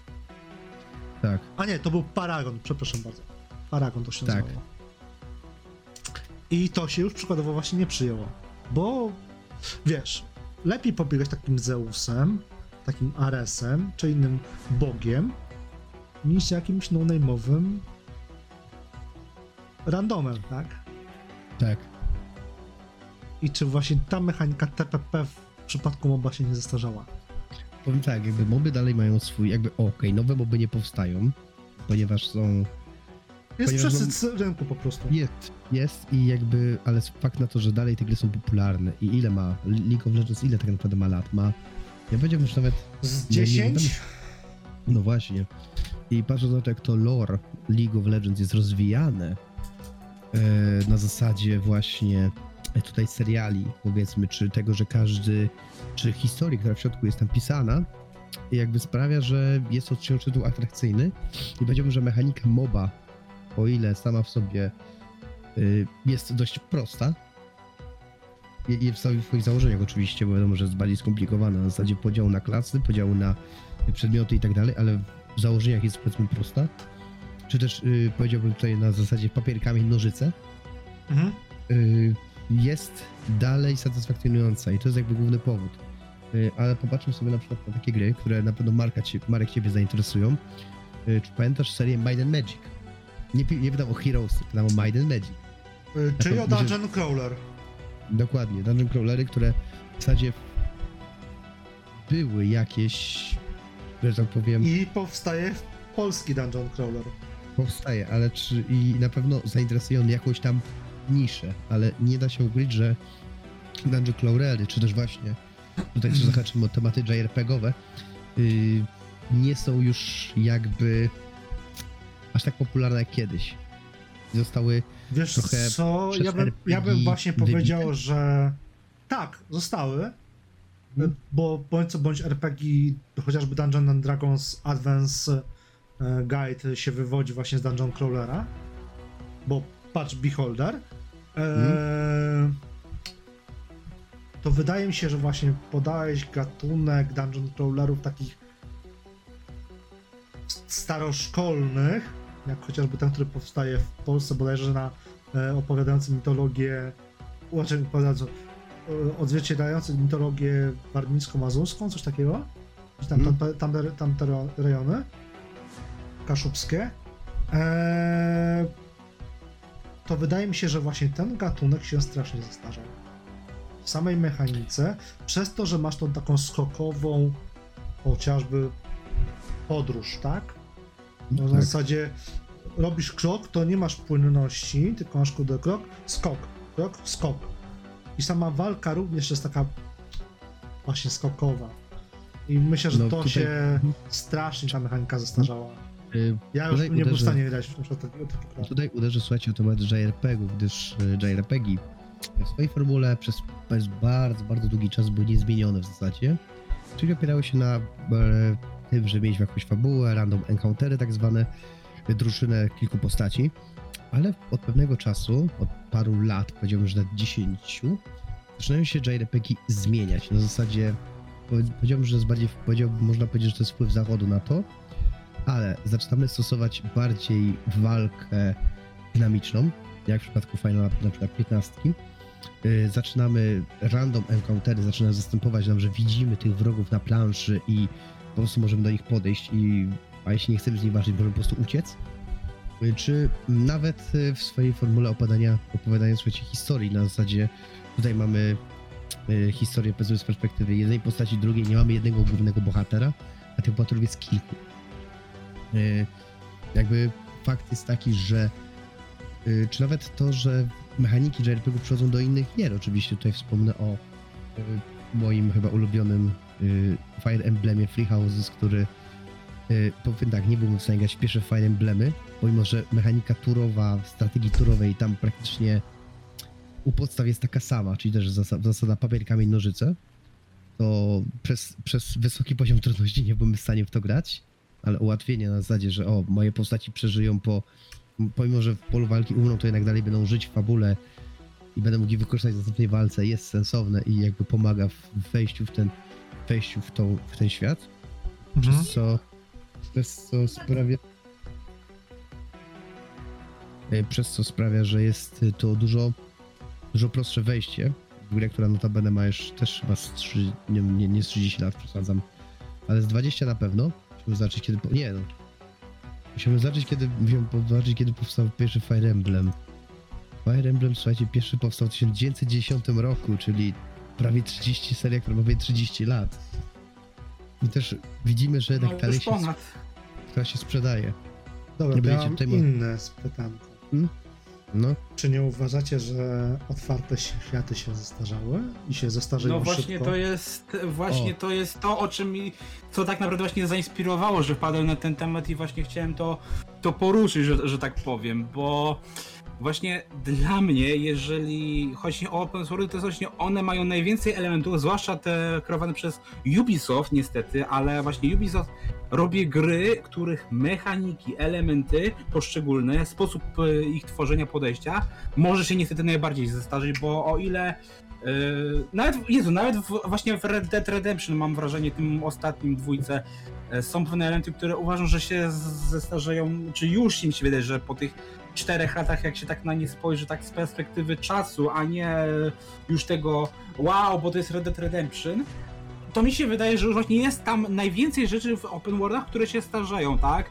Yy, na przykład jak mamy na przykład właśnie w Asasynach tych ostatnich od Mhm. czasu y, Odisei, czyli przypisanie tego do konkretnego levelu, czy, czy y, właśnie jakiegoś zależność od tego, żeby był ten poziom, czyli jeżeli... Znaczy, wiesz co, Mam- A tego kiedyś nie było, a to jest akurat wzięte z Dobra, czy przerywać mi, czy nie mamy za co się odzywać? nie, To mów, mów, po prostu RPG. chciałem się odnieść do tych asasynów, że akurat jeżeli chodzi o mm, levele i mm, Ale wiesz, nie, nie, dokończyć, nie, nie dokończyć mojej myśli, ale No, okej, no, dobra, dobra, bo byś no, miał dobra, pełny no. obraz.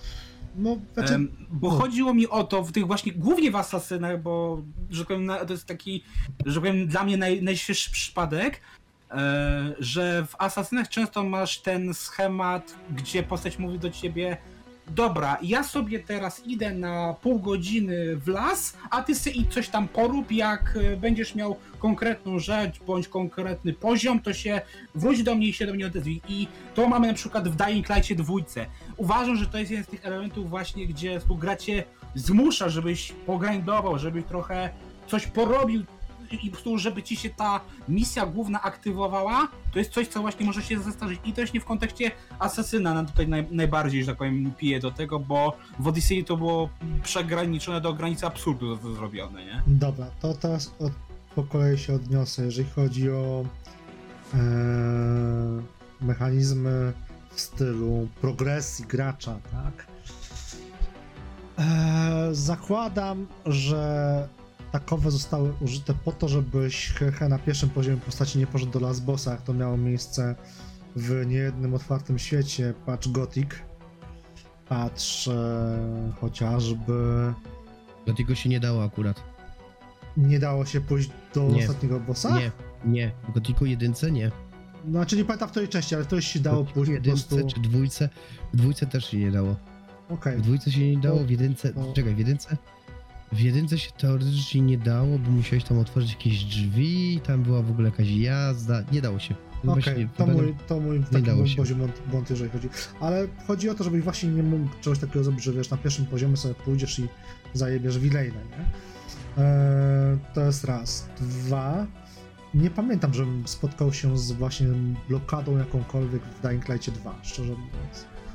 Czy no miałeś tam po prostu pauzę, że zanim y, ten, y, co grał ten y, gościu, który wymyślił parkura, po prostu powiedział, dobra, Hakon, ja se teraz, tak, ja se teraz idę coś tam porobić, wrócę, odezwę się do ciebie tam za pół godziny i tam wiesz, tu musiałeś faktycznie poczekać, aż on da ci telefon, zadzwoni do ciebie z kolejnym zadaniem. To było w Dying Kojarzę Lightie, ale też jest w innych grach też bardzo często. Ko- kojarzę Że- taki fakt, ale to bardziej Ej, było takim, było. że, że po prostu miałeś zadanie udać się bodajże do tej babki zarządzającej tym kościołem, czy też katedrą w tym mieście, takim jeszcze powiedzmy pierwszym przed tym tak głównym miastem.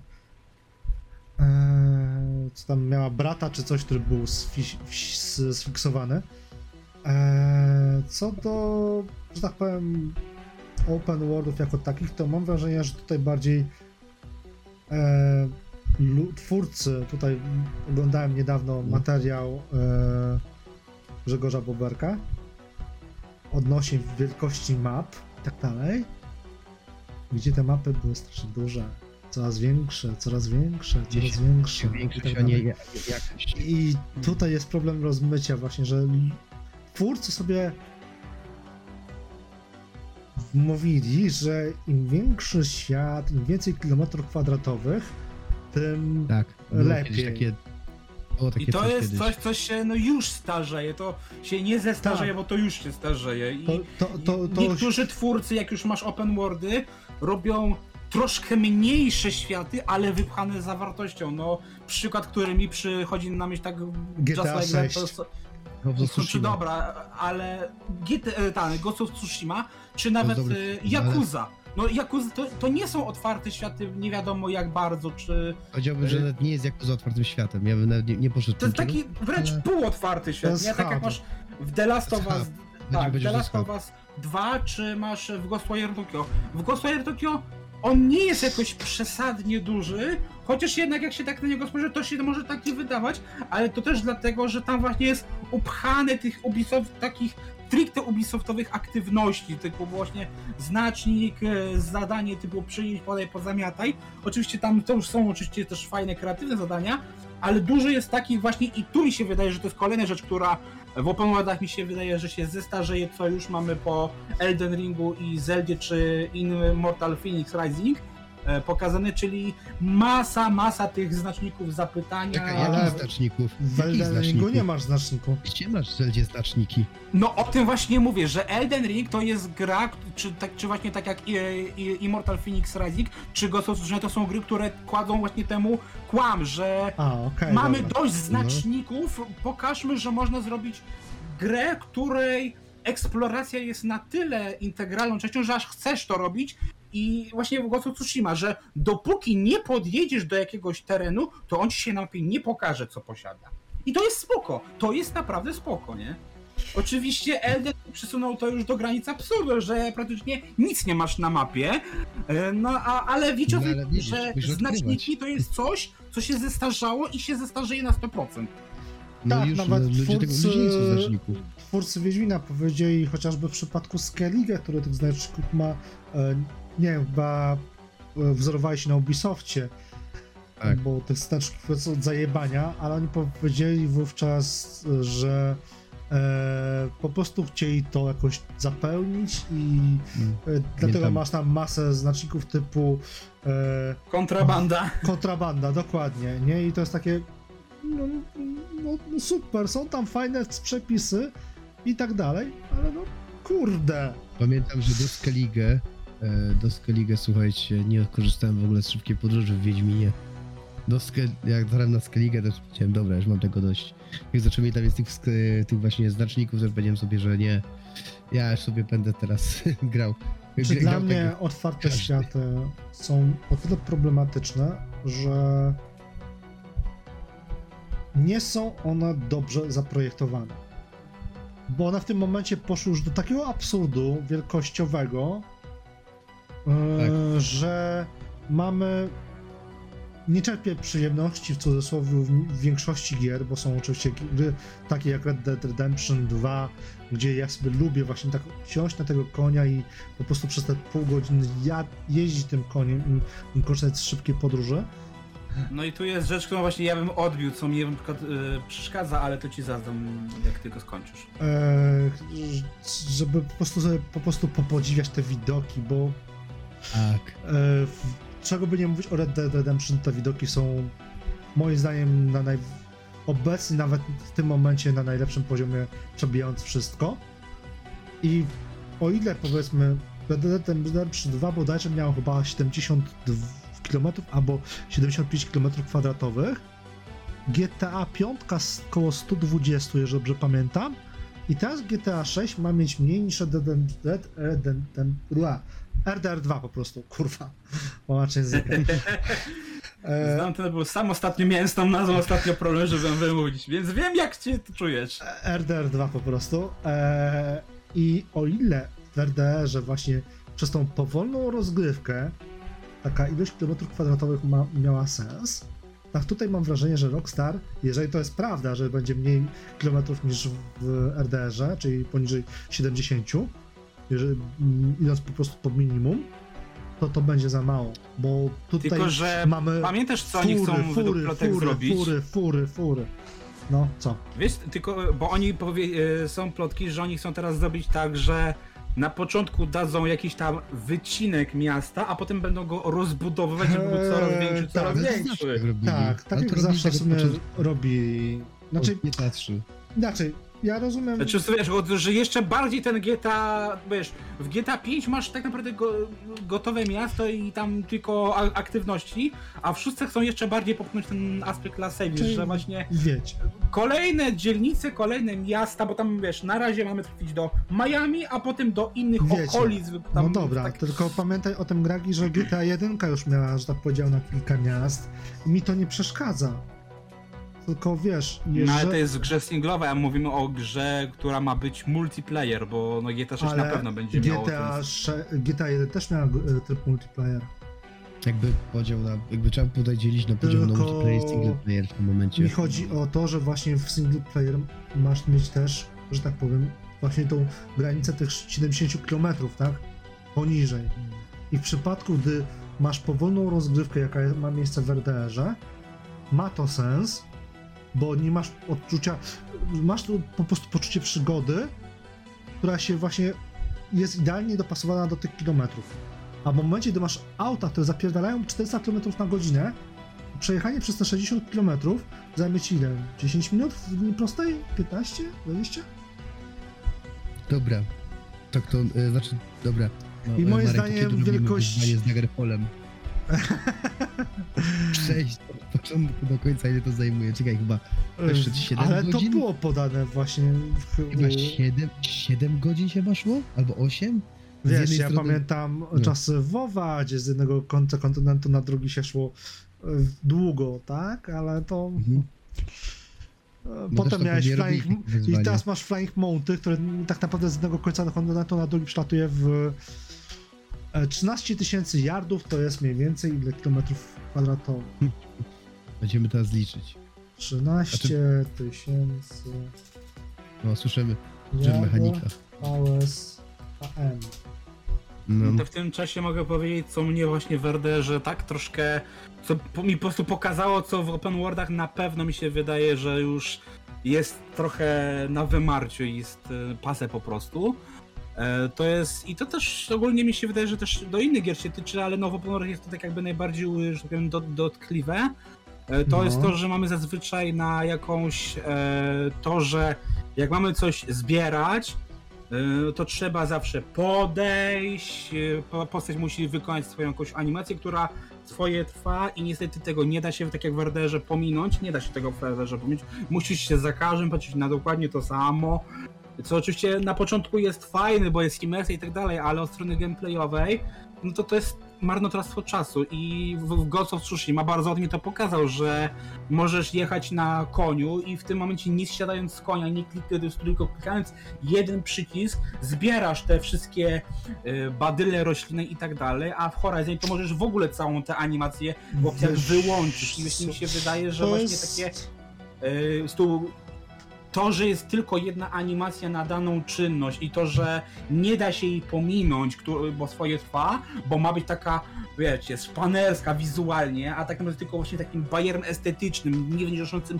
nic. Myślę, że to jest coś, co się tu zestarzeje No nie, to nie, się jest, to nie jest coś, Nie, co nie nie wnosi, jest nic. jest to wnosi imersję.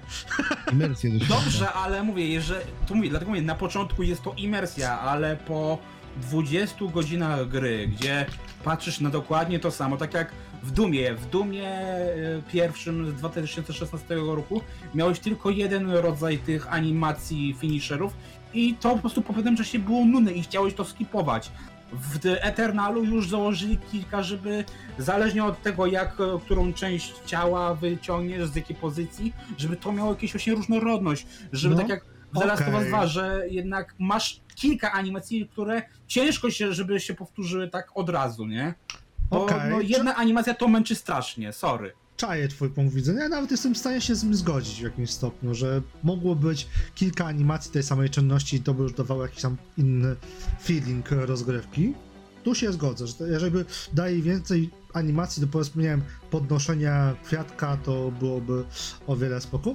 A Albo wracam- nawet tego wyłączyć, właśnie, że tu tylko podchodzisz i ci się od razu ten kwiatek znaje w co? ekwipunku. tego typu skipów ja osobiście nie lubię w grach, bo to potem sprawia wrażenie dla mnie, że e, autoluty, etc. mi się nigdy nie podobały i sprawia wrażenie, że tak naprawdę nudziła mnie ta gra bardziej niż właśnie te animacje, bo nie miałem tego poczucia imersji, tak? Ja lubię grać w gry, które są imersywne Tak, i Aż do Jeżeli- przesady. nawet, nawet aż do Wiesz przesady. co? Jeżeli tytuł jest imersywny aż do przesady, to ja grając w niego mam Jakby- świadomość i robię to świadomie. Jeżeli przykład chcę, żałuję. czekaj, jeżeli chcę sobie powiedzmy brać e, gry, gdzie jest autoloot, to też mam tego świadomość, że na zasadzie hehe, odpalę sobie Diablo 2, tak? To są albo Diablo 3, albo Diablo Immortal, tam masz autoloota, etc. I to wszystko też zależy od po prostu tego, co chcę w danym momencie zagrać.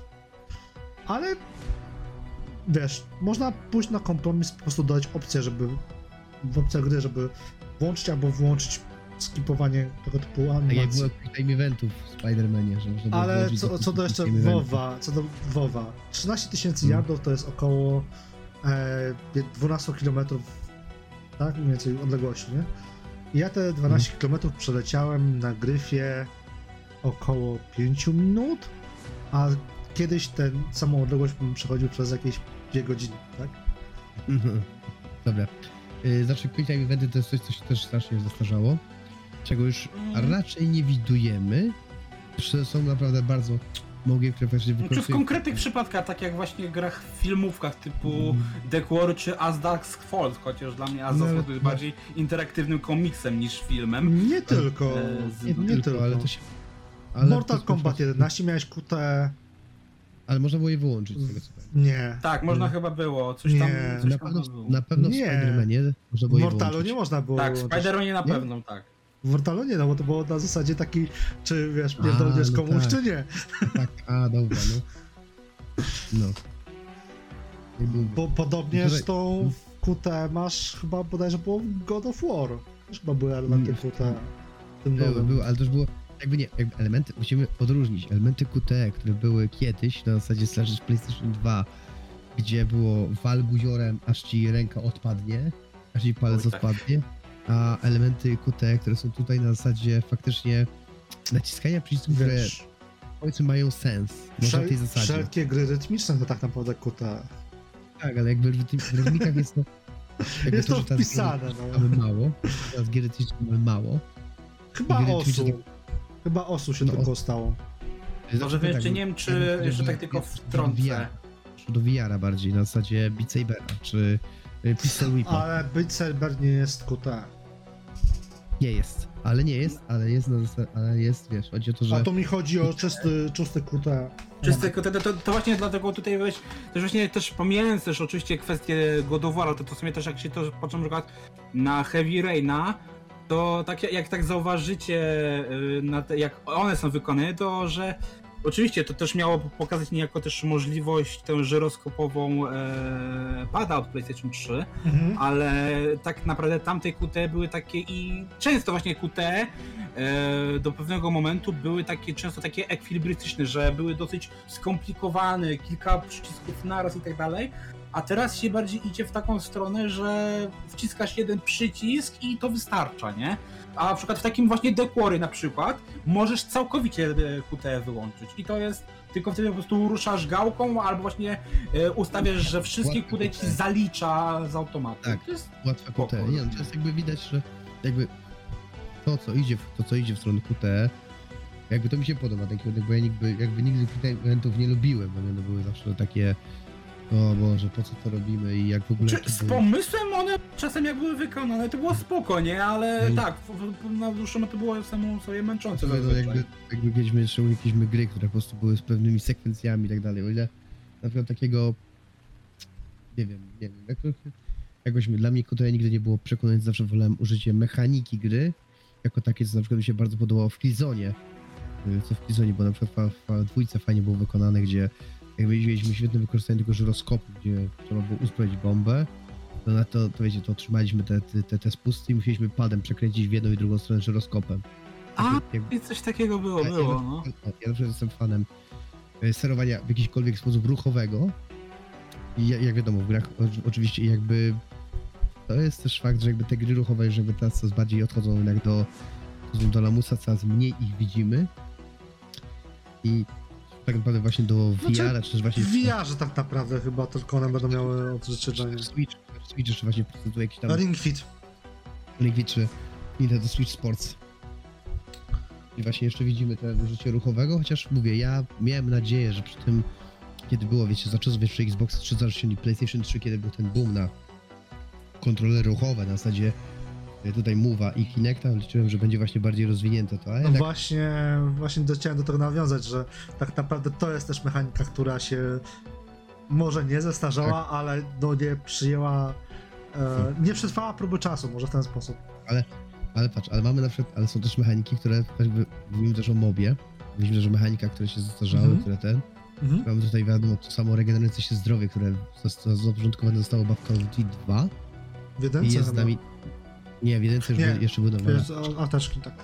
jest tam do dzisiaj, też właśnie y, różne, też właśnie wprowadzenie różnych mechanik na zasadzie y, mechanik RPG do gier akcji, też właśnie otwartego świata, gdzie coraz bardziej śmielej li- y, świat się zmniejsza i stawia się na mniejszą ilość znaczników lub w ogóle się ze znaczników rezygnuje na zasadzie eksplorowania, y, eksplorowania świata. Czy... Teraz Ubisoft, na słyszysz? Ubisoft, masz ze zadań Ale ze znaczników. Ale tak na zasadzie patrzę na jedną grę, która jakby... Nie ukrywam, że z mnie bólem dupy okropnym. Bo mówię o, o serii Pokémon, które... Pokémon, które w zasadzie mają już ze sobą... e, No, też no, jakieś jest 20 lat. Nawet więcej. W 1998 roku były pierwsze Pokémony. 26. 20, tak? nie, przepraszam. 96. 96 było Red i Green.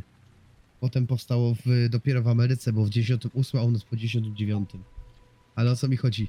Pokémony, słuchajcie, w swojej mechanice nie zmieniły się do dzisiaj. Był dzi- jedynie, pierwsza nowość, jaka była, to był Arceus, który, jak okazuje się, nie spodobał, jakby nie przyjął się za bardzo, ponieważ obecny Pokémon Scarlet i, ponieważ nowe Pokémon, które zapowiedziano i zresztą niedawno prezentacja, Scarlet i Violet, y, wrócą do, nie, wiecie co wprowadzą innowacyjnego? Otwarty świat. Jakby ale wracając, jeśli chodzi o zasady mechaniki walki czy coś, nie zmieniło się praktycznie nic. Poza dodaniem jakichś dziwnych bajerów na zasadzie, nie wiem, mega ewolucji czy ataków z które tak naprawdę y, w, na etapie turniejowym nie mają żadnego znaczenia. Więc jakby, to, więc jakby mówienie jest perspektywy o mechanikach, które mogą szybko się zestarzeć, bo o mechanikach, które w jakiś sposób dalej trwają, mam z tym lekki ból odwłoka. Hmm. Chociaż w sumie, chociaż też mam nadzieję, chociaż też mam nadzieję, że e, powiedzmy, o, Marek, No. walki w Falloutie. Turowa walka. Eee, wiesz co, tutaj akurat się za bardzo nie wypowiem, ponieważ nie, Nie, lubię nie. nie, nie lubię Falloutów, Mhm. więc to ciężko mi się odnieść. E, aczkolwiek chyba podobny system do Falloutów, jeżeli chodzi o punkty akcji, etc. był w Divinity Original Sin. Na zasadzie mamy ograniczoną ale- ilość punktów akcji i na tej... Ale poczekaj, bo nie skończyłem tematu. Jakby No. y, to, to, to, to jest dwuczęściowe pytanie. No. W zasadzie mamy Divinity, od- mamy system turowy Mhm. i przejście z systemu turowego na strzelankę FPS. O to mi- w, tym, Okej. w tym kontekście bardziej. W tym kontekście bardziej. Pytanie do ciebie, bo Grzesiu y, zgaduję, że nie grał w Fallouta pierwszego. Nie, nie, nie, nie, nie. Ja dopiero z Falloutem to dopiero przy czwórce się Właśnie. zapoznaliśmy. Właśnie, dlatego pytanie, pytanie jest do Marka stricte. Wiesz co, no mi się bardziej podobał Fallout y, ten powiedzmy shooterowy niżeli e, niżeli e, zabawa właśnie w e, punkty akcji. Być może dlatego też, że jakoś mówię, w tamtym okresie za bardzo nie lubiłem RPGów, jak wychodziły Fallouty. I też post-apo jakoś mnie nie jarało i jakoś nawet do dzisiaj tak naprawdę za bardzo nie jara post-apo, więc po prostu totalny e, tak powiem, nie mój setting w żadnym aspekcie. E, natomiast jeżeli chodzi o zestarzenie się mm, mechanik turowych w RPG, etc., akurat myślę, że to się utrzymało, zwłaszcza w tych właśnie RPGach izometrycznych, bo hehe, no man omen, mamy Baldur's Gate'a trójkę, który jest obecnie w Early Accessie i on ma tryb turowy, co się nie bardzo ludziom podoba. Auto, pauzę. I E, tryb pauzy. Znaczy aktywną pauzę. Wiesz co? pauza, nie? Chyba nie ma. Chyba jeżeli chodzi o walkę, to masz tylko tryb turowy. A, aktywną Czekaj. pauzę masz w Pillars of Eternity na pewno a no, i w Pathfinderze. Natomiast jeżeli chodzi o kwestię e, turówek, no to no man omen. E, mamy sytuację taką, że w- Baldur's Gate ludziom się nie podoba tryb turowy. W sensie tym ortodoksyjnym e, graczom, a żeby było zabawne, żeby było zabawne, tryb turowy w Baldur's Gate'ach, Icewind Dale'ach, Neverwinter Nights istniał w pierwotnych grach, tylko że był on po prostu ukryty. Jak się odpalało linią komend e, w grze bądź e, skryptem e, w właściwościach No tu już programu, wiesz, tu już wtedy, że tak powiem, grzebiesz w czymś, czym nie powinieneś, że tak powiem, no... no nie, bo masz skrypt, Używasz rzeczy, której twórcy nie chciał, żebyś używał, więc wiesz... ale nie, chodzi tylko o to, żeby po prostu włączyć wizualne rzuty w cudzysłowie kostką, tak? A nie na zasadzie, że włączyć opcję, która ten. Chodzi po prostu o to, że masz jakby. E, jakby ci to powiedzieć. Masz formalnie w grze ukryte rzuty kością. A one są po prostu zanimowane, tak? Masz inicjatywę, etc. I te wszystkie czary, które rzucasz, są po prostu w rzutach kostką. To nie jest tak, że mamy sytuację, że e, nagle sobie twórcy Baldur's Gate 3 wymyśli, czy też nie, żeby rzucić, e, rzucić gry etc. One były, bo same RPG w sobie są trybami turowymi. Masz rzut kością inicjatywy i potem masz przykładowo jak jesteś pierwszy w inicjatywie, to ty atakujesz pierwszy, potem osoba druga albo przeciwnik, etc., etc. I to jest po prostu system RPGowy i on był od zawsze. Podobnie zresztą właśnie w tych Ale na szczęście potem przyszły Mm, Beholdera. RPG jak Wiedźmin, jak Mass Effect i y, odeszły te gry do lamusa. Się już... Zaskoczę cię, ale jeżeli zaczęło by się Wiedźminem. uprzeć, to w Wiedźminie też masz w cudzysłowie Rzuty kostką. e, rzuty kostką. Ale to było akurat... Trójce? Tak, E, tak. W trójce. Jeszcze powiedzmy w jedynce mogę się zgodzić, ale w trójce gdzie? Chociażby w sukcesie ataku. Czy ty trafisz, czy nie trafisz? Dalej są Czy, czy, czy, nie, nie powiedziałem, że tam to, to było losowe, chociaż w sumie na żabce to jednak trochę było. Sam aspekt tego, że przykładowo miałeś e, statystyki takie, a nie inne, bo miałeś takie, EQ, a nie inne, sprawiało to, że właśnie masz W e, sumie. Nie masz szansy na parowanie, etc. Zresztą w samym Wiedźminie miałeś umiejętności bodajże, jeżeli dobrze pamiętam, na zwiększenie parowania, tak? To jest nic innego jak Mm. rzut kością. Tylko, że zamiast rzucić powiedzmy kością, powiedzmy e, D, D6, to rzucasz D100 i masz procent szans przykładowo, jeżeli coś jest, e, jeżeli wynik kością ukrytą oczywiście jest większy niż powiedzmy 30%, czyli od 1 do 30 i wypadnie 31, to cię trafia. Jeżeli padnie 1,29, to cię nie trafia. I to na tym to polega rzuty kością, po prostu. To jest najprostsza tak naprawdę mechanika, która się nie zestarzała i się raczej nie zestarzeje. No, a może pomów w końcu o tym, co jest przy tema, e, przedmiotem tematu, czyli co o się tym, co się może zestarzeć. Co I się tutaj- zestarzeje i się zestarzało? Moim zdaniem open world. No dużej właśnie mierze. E, kolejna rzecz, która się zestarzała, to jest. A ja chodzi, co się zestarzeje, a nie co się I- zestarzało. No to zestarzeje, no to open world dalej. Co się z, może zestarzeć, to się może zestarzeć e, mechanika drużynowych e, shooterów, takich jak Counter-Strike. Luther shootery.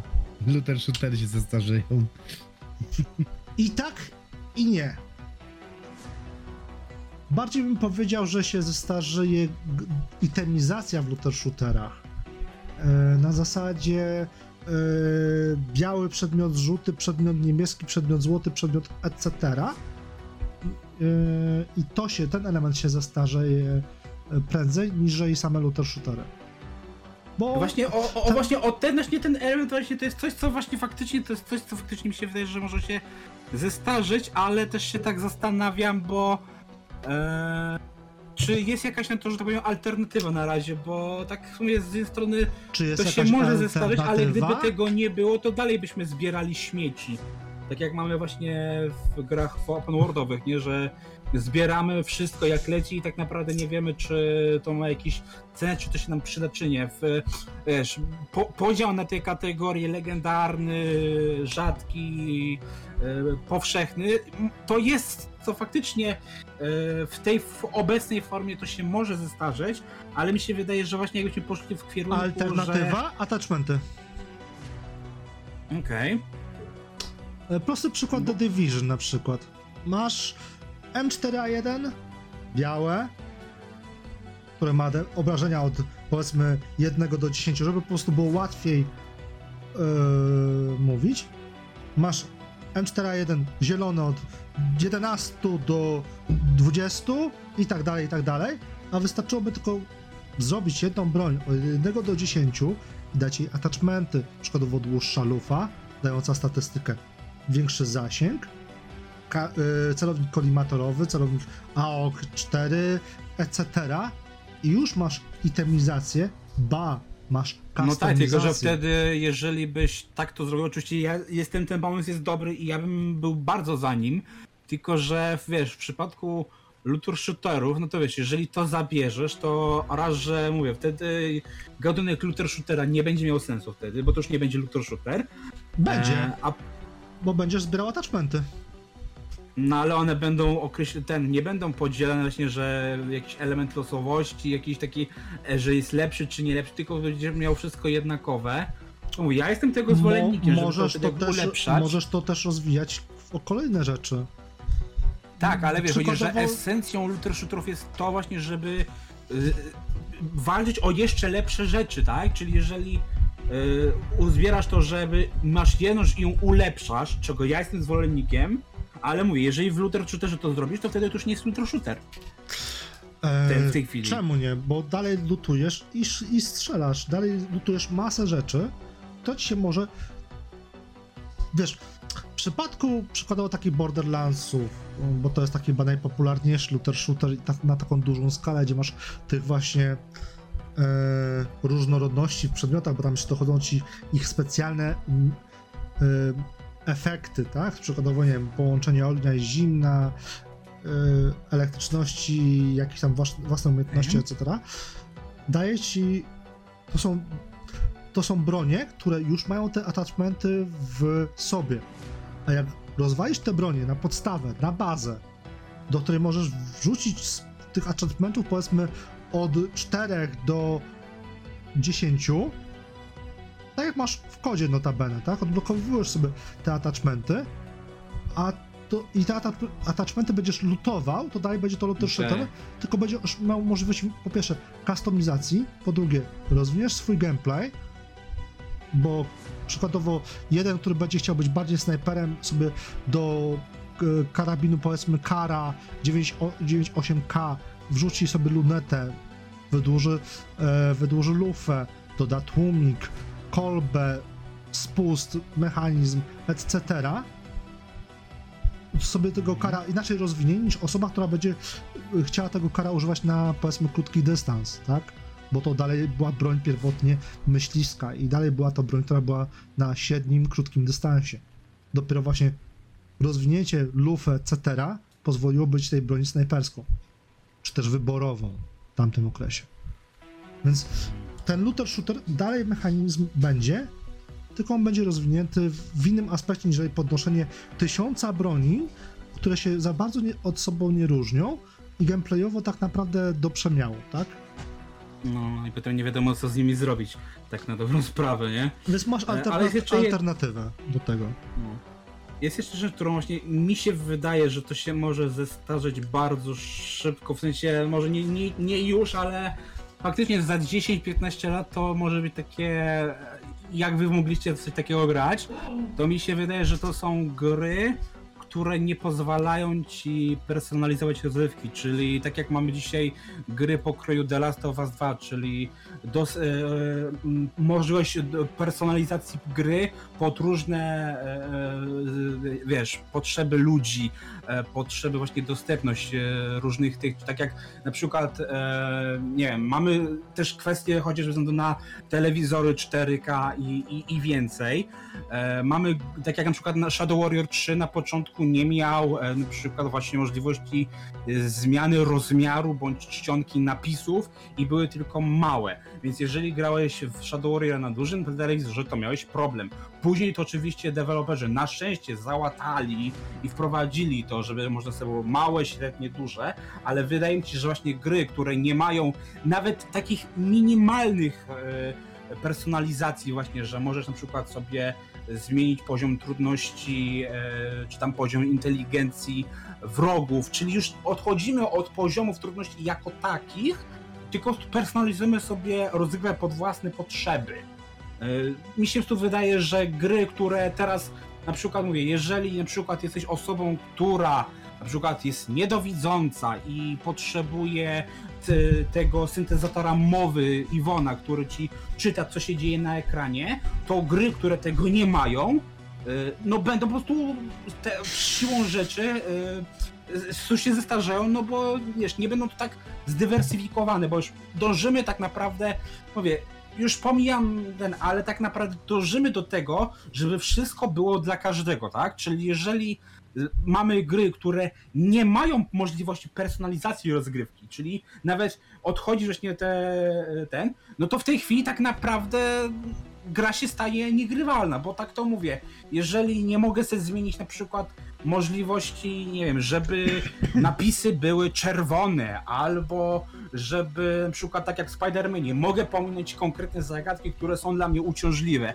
czy wyłączyć quick time eventy, no to Mhm. gry, które mają, są już no, dla mnie niegrywalne w tej chwili. Wiesz o co chodzi, że czy uważacie, że właśnie gry, które nie oferują udogodnień dla różnych osób, e, to właśnie siłą rzeczy się nie, będą e, starzyć przez to, że no mówię, dążymy do tego, żeby wszystko było dla każdego, nie?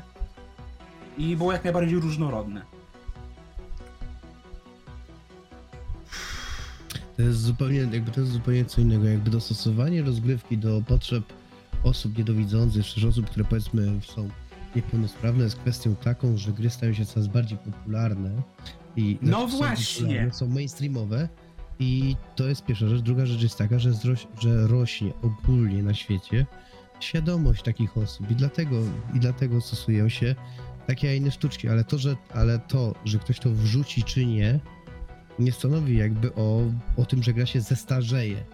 Bo to nie jest jakby wy. Czy nie wiesz, jakby że mi się wydaje, że to jest coś, co za kilka lat będzie standardem i No to to- gry, które teraz tego nie mają, albo nie miały tego 5 lat temu, no dla osób, które są przyzwyczajone do tego, że na przykład e, mogą grać właśnie w The Last of Us e, z podpowiedziami, e, co się znajduje właśnie za, e, w danej sy- sytuacji, no nie będą po prostu mogły grać już w takie gry, które są starsze, które tego nie miały, nie? Wiesz o co chodzi, że no dzisiaj jednak mówię, to No, mi się wydaje, że starszą grę, masz świadomość, że jest to gra starsza. To tak jak ja bym się czepiał grając sobie w pierwszego Megamena, czy w pierwszą Jakuzę i czepiałbym się, że, je, że y, rozgrywka jest archaiczna. To jest czepianie No oczywiście, ale wiesz, chodzi bardziej teraz o to, że dzisiaj, jeżeli gra tego nie ma dzisiaj, dzisiaj tworzą, tak? Bo widzisz, Marvel na przykład, wszystkie gry Marvela teraz, które wychodzą, mają te dostosowania.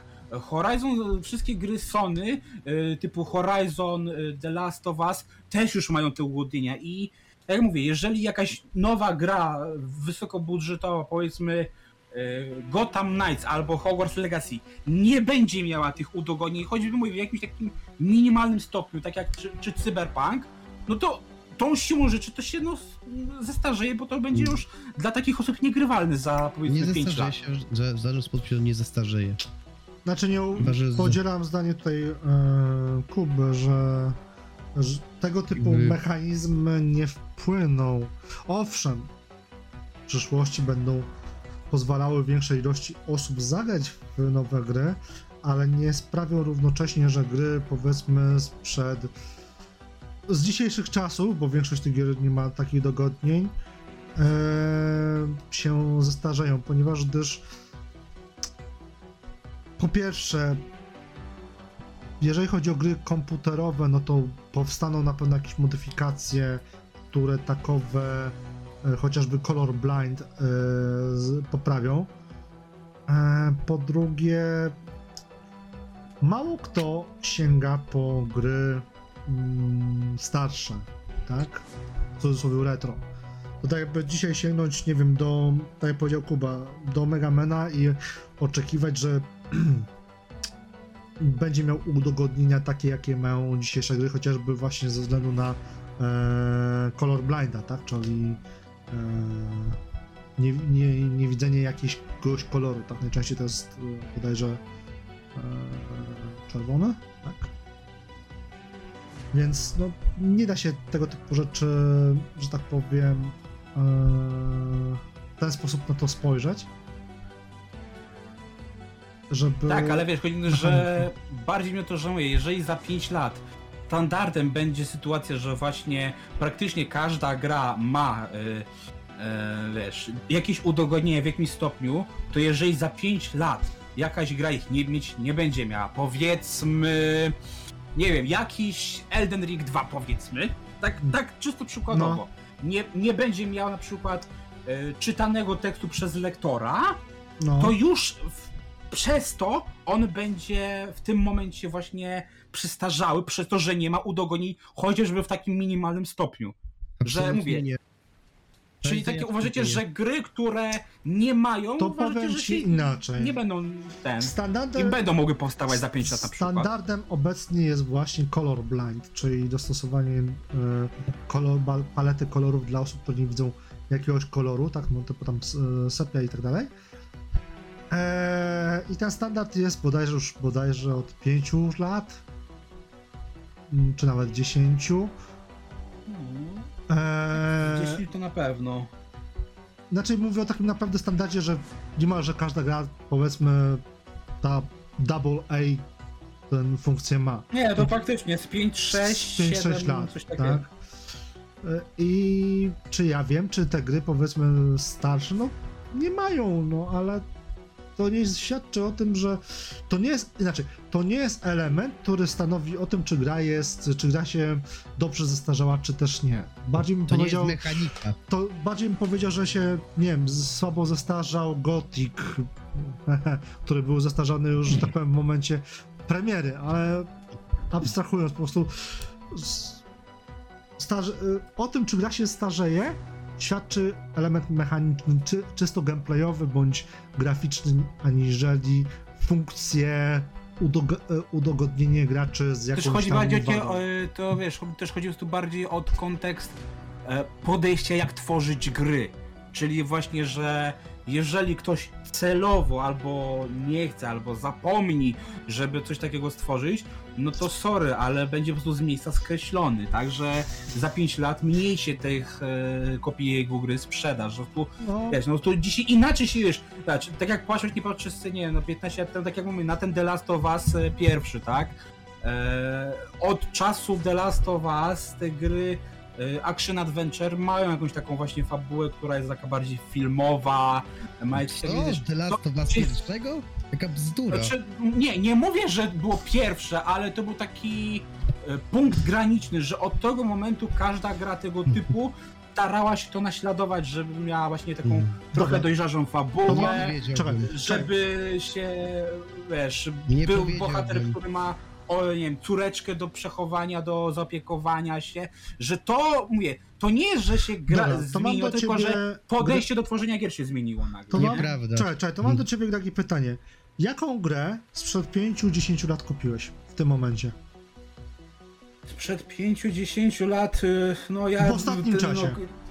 Nie, to faktycznie wiesz, ja zdarza mi się zagrać, ale nie, nie, nie kupuję gry, która ma tam więcej niż, niż 10 I lat. to masz ja odpowiedź na to, czy bo ja ludzie... kupuję gry na czy- bieżąco, nie? Czy, I masz No. odpowiedź na to, czy ludzie kupią grę sprzed 10 lat, mając na myśli to, czy powiedzmy osoba, nie wiem, z daltonizmem e, spojrzy na grę sprzed 10 lat. No nie spojrzy, ale też już twórca nie liczy na to, że ta gra się sprzeda. Ale nie, chodzi mi na, na te spoczynie, czyli tak jak na przykład nie, jeżeli na przykład ja wiem na przykład dzisiaj, że są gry tego AAA, które mają udogodnienia, tak, typu właśnie Marvel Spider-Man, Marvel Guardians of the Galaxy, Horizon Forbidden West e, e, i tego, czy No nawet tak. The Quarry No, mają udogodnienia, w jakimś stopniu bardziej lub mniej mają. Nie wiesz, nie mówię, żeby to było tak rozbudowane jak w The Last of Us, ale jeżeli, mówię, nawet w Quarry mogę sobie wyłączyć całkowicie sekwencję QTE i dostaję na przykład As Dusk Falls, które z, jeszcze nie grałem, więc nie wiem, ale załóżmy, że nie będzie miał możliwości wyłączenia QTE, tylko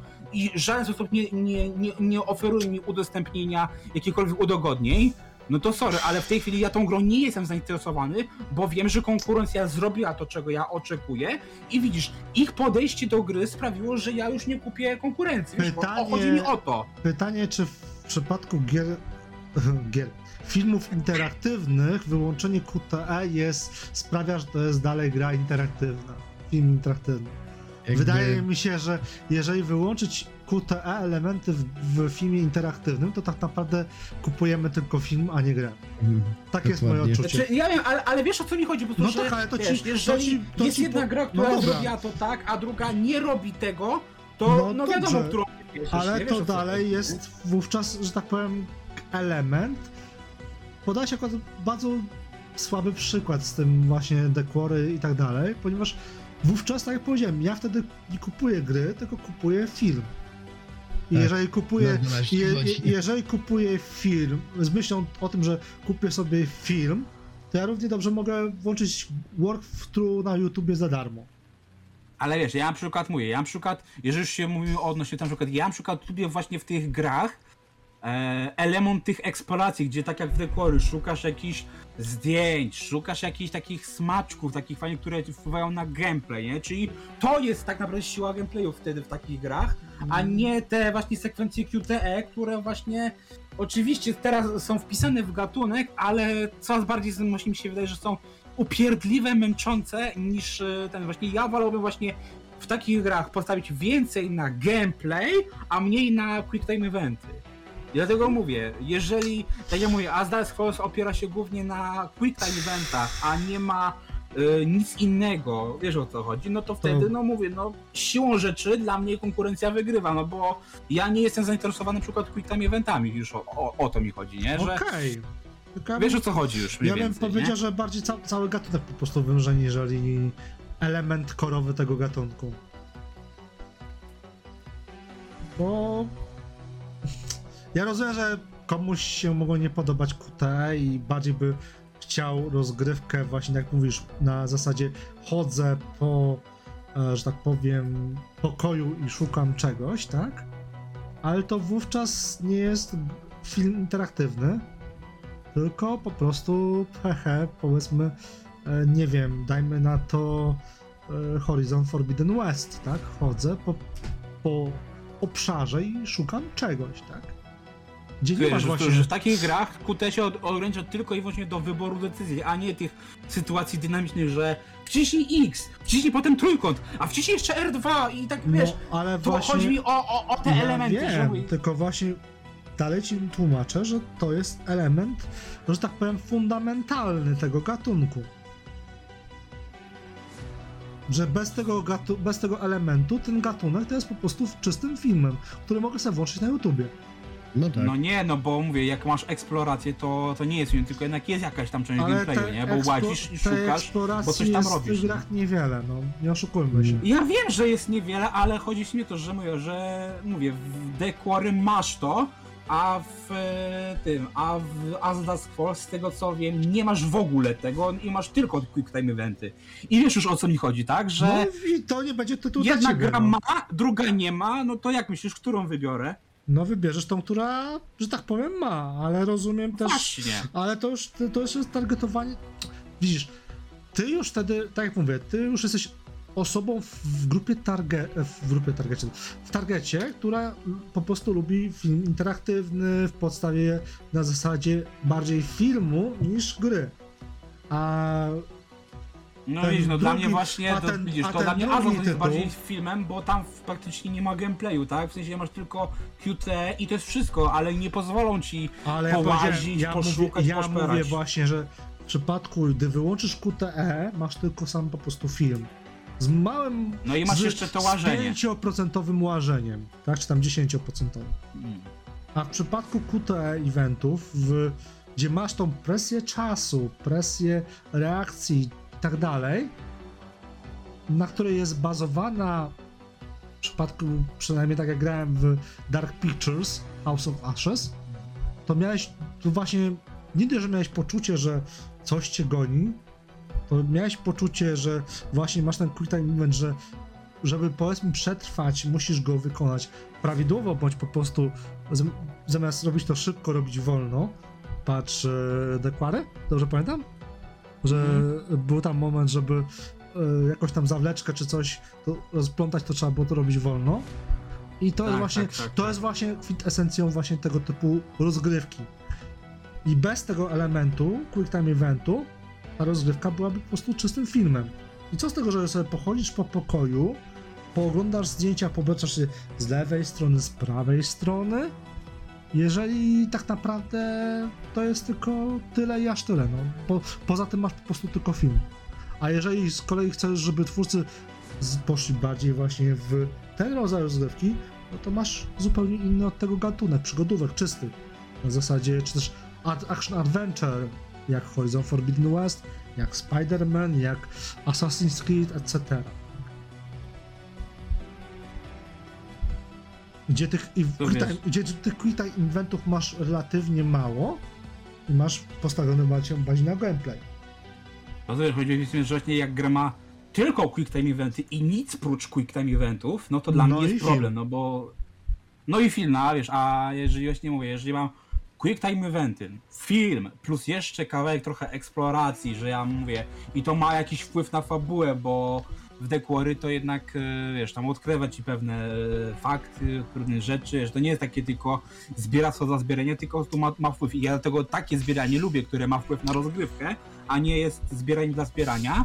No to mówię, dla mnie to jest bardziej atrakcyjne, tak? I to mówię, uważam, że właśnie to już to jest już inne po prostu podejście, które uważam, że jeżeli filmy interaktywne, takie jak właśnie Dequory czy gry Davida Cage'a, miałyby przetrwać jeszcze, no to byśmy właśnie według mnie powinni iść w tę stronę, że żeby one jednak trochę tego gameplayu jednak miały, a nie były filmem, który raz na ruski rok e, e, po prostu wymusi, żebyś dotknął pada, nie? A tylko jednak po prostu, żebyś po prostu tego pada po coś miał, nie? Wiesz o co chodzi, nie?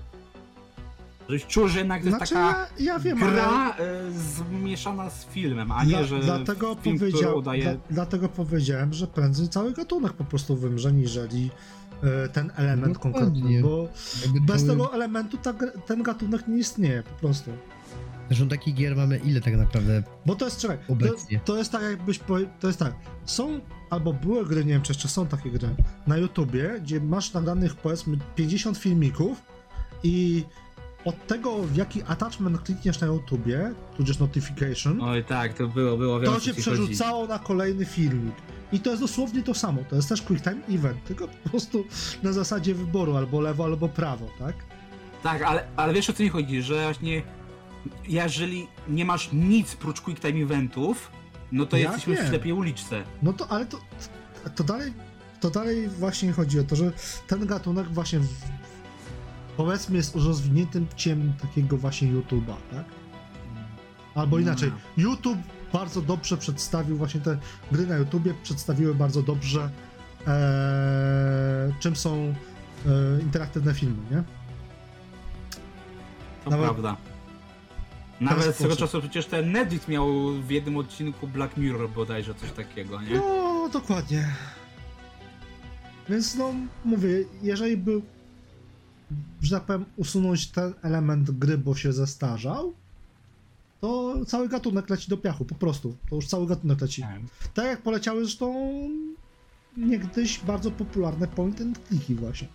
Przygodówki, czy też gatunek, Znaczy, który też... mm, po, dlatego nie powiedziałem przygodówki, bo No. przygodówki stricte możesz rozdzielić na platformówki No tak. i tak dalej, które też nomen omen umarły. I tak naprawdę gdyby nie Crash Bandicoot, y, Bandicoot i y, Ape y, powracający w formie remake'ów, remasterów, to tak naprawdę platformówki hashtag nikogo. No i jeszcze jest, poza oczywiście Spyro, no to jeszcze mam A, A, jeszcze-. Time na przykład w ostatnim czasie wyszło. I jeszcze Mario, tak, no ale Mario, że tak powiem, to jest Mario jest zupełnie... jest. Mario, nie- Mario przeżyje Mario wszystkich. Mario przeżyje Mario przeżyje. Bo to najlepsze platformów. Czy no to są trochę, trochę Crash prostu troszkę zrobił taki renesans tych platformówek, tak? Bo i mamy teraz Kangur Kakao, który wiadomo e, próbuje powtórzyć e, pewne elementy, więc e, wiecie o co chodzi, nie? Że, że to jednak trochę tam wraca i trochę ten gatunek trochę odżył, nie? Ale też jest trochę już uspółcześniony, nie? Tak. Tylko no mówię, no gdyby nie właśnie te remake'i znanych ma marek, typu właśnie e, Crash, Spyro i To nadal by był martwy, to prawda. to nie miałbyś platformówek. A już takich platformówek Mario. w stylu Mario. Ale, ale Mario jest, że tak powiem, zamknięty w Switchu Tak. i wiadomo, że Switch jest, sprzedał się bardzo dobrze, chyba nawet około 100 milionów, Ponad. a może już nawet ponad. Tak, mimo wszystko jest to e, gra niszowa względem powiedzmy takiego Spyro, albo inaczej, mniej rozpoznawalna wśród ludzi na zasadzie grałem w to, bo wiadomo, Mario zna każdy, ale nie każdy grał w Mario, tak? Nie każdy grał w Super, w, szczególnie w odsłony 3D, typu Super Mario Sunshine czy Super Mario y, Galaxy. Prawda. Przynajmniej w Polsce, mówimy Inaczej. o polskim. Inaczej, powiem ci inaczej. Prędzej ktoś zagrał właśnie te gry na Switchu, w Wii U, etc., niżeli za czasów Super Nintendo. Bo Super Nintendo w Polsce miał jeden, je, jedna osoba może na dzielnicę. Dobra. No ale był jeszcze Pegasus, nie? Ale Pegasus był był NESem. ten pierwszy Super Mario. Pegasus był NESem, nie? a ja mówię o SNESie. My, my żeśmy przegapili jako Polacy, niestety żeśmy, znaczy niestety, albo niestety żeśmy przeskoczyli par, parę generacji, bo tak naprawdę y, od NES-a przeskoczyliśmy na Commodore i Atari i chyba Amigę. Nie, nie. Ja, ja miałem pierw, jeszcze miałem Commodorki ZX Spectrum na grubo przed NESem, więc nie. A no to widzisz, no jakby u, u, u nas nagle pojawi się 10 generacji tak naprawdę wszystkiego. Jak U mnie- u mnie było tak. Wiesz, Tak. poprzez giełdy komputerowe Mhm. e, Atarynki, Amingi, ZX Spectrum, Commodorki były popularne, Mhm. a tak naprawdę e, e, NES Mhm. pojawił się dopiero w momencie, gdy pojawił się Pegasus. A Pegasus, a tak Pegasus pojawił się jak już był Super Nintendo. I po Pegasusie Na- na rynku tak światowym. Przeskoczyliśmy na po Pegasusie tak naprawdę przeskoczyliśmy na erę PlayStation 1. Tak, tak. Znaczy u nas było Nintendo 64, było u nas Nintendo 64 faktycznie, ale było bardzo y, niszowe. Nintendo No się... wtedy bardziej popularny Nintendo był Game Boy, chyba nawet Game Boy Advance nawet. Game nie? Boy pamiętam- Advance. Ale Ga- Game Boy, Też- Ga- Game Boy, Game Game Boy to Boy inna- Advance to nic zupełnie innego. inna sprawa, bo nie miałeś To jest coś handheldów, więc innego. Ga- Game Boy był po prostu grałeś go do szkoły, etc. Tak, jeżeli miałeś. Tak. Bo, ale chodzi, chodzi o to, że e, Super Nintendo całkowicie w Polsce praktycznie było pominięte, a Sony walczyło z Segą, która też była niszowa. Ja miałem Segę i dla mnie zdobycie była? Sega Saturn, oczywiście. Była, No, była. no, Nawet nie wiedziałem. Se- Sega Saturn miałem... Ja miałem Sega- właśnie pada od właśnie którejś z Segi takiego czarnego z sześcioma przyciskami. Z sześcioma to Ej. miałeś Sega Saturn.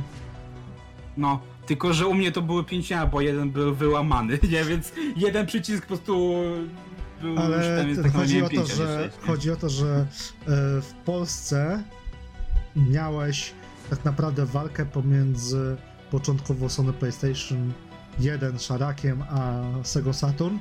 Gdzieś tam koło 2000 roku bodajże pojawił się Nintendo 64.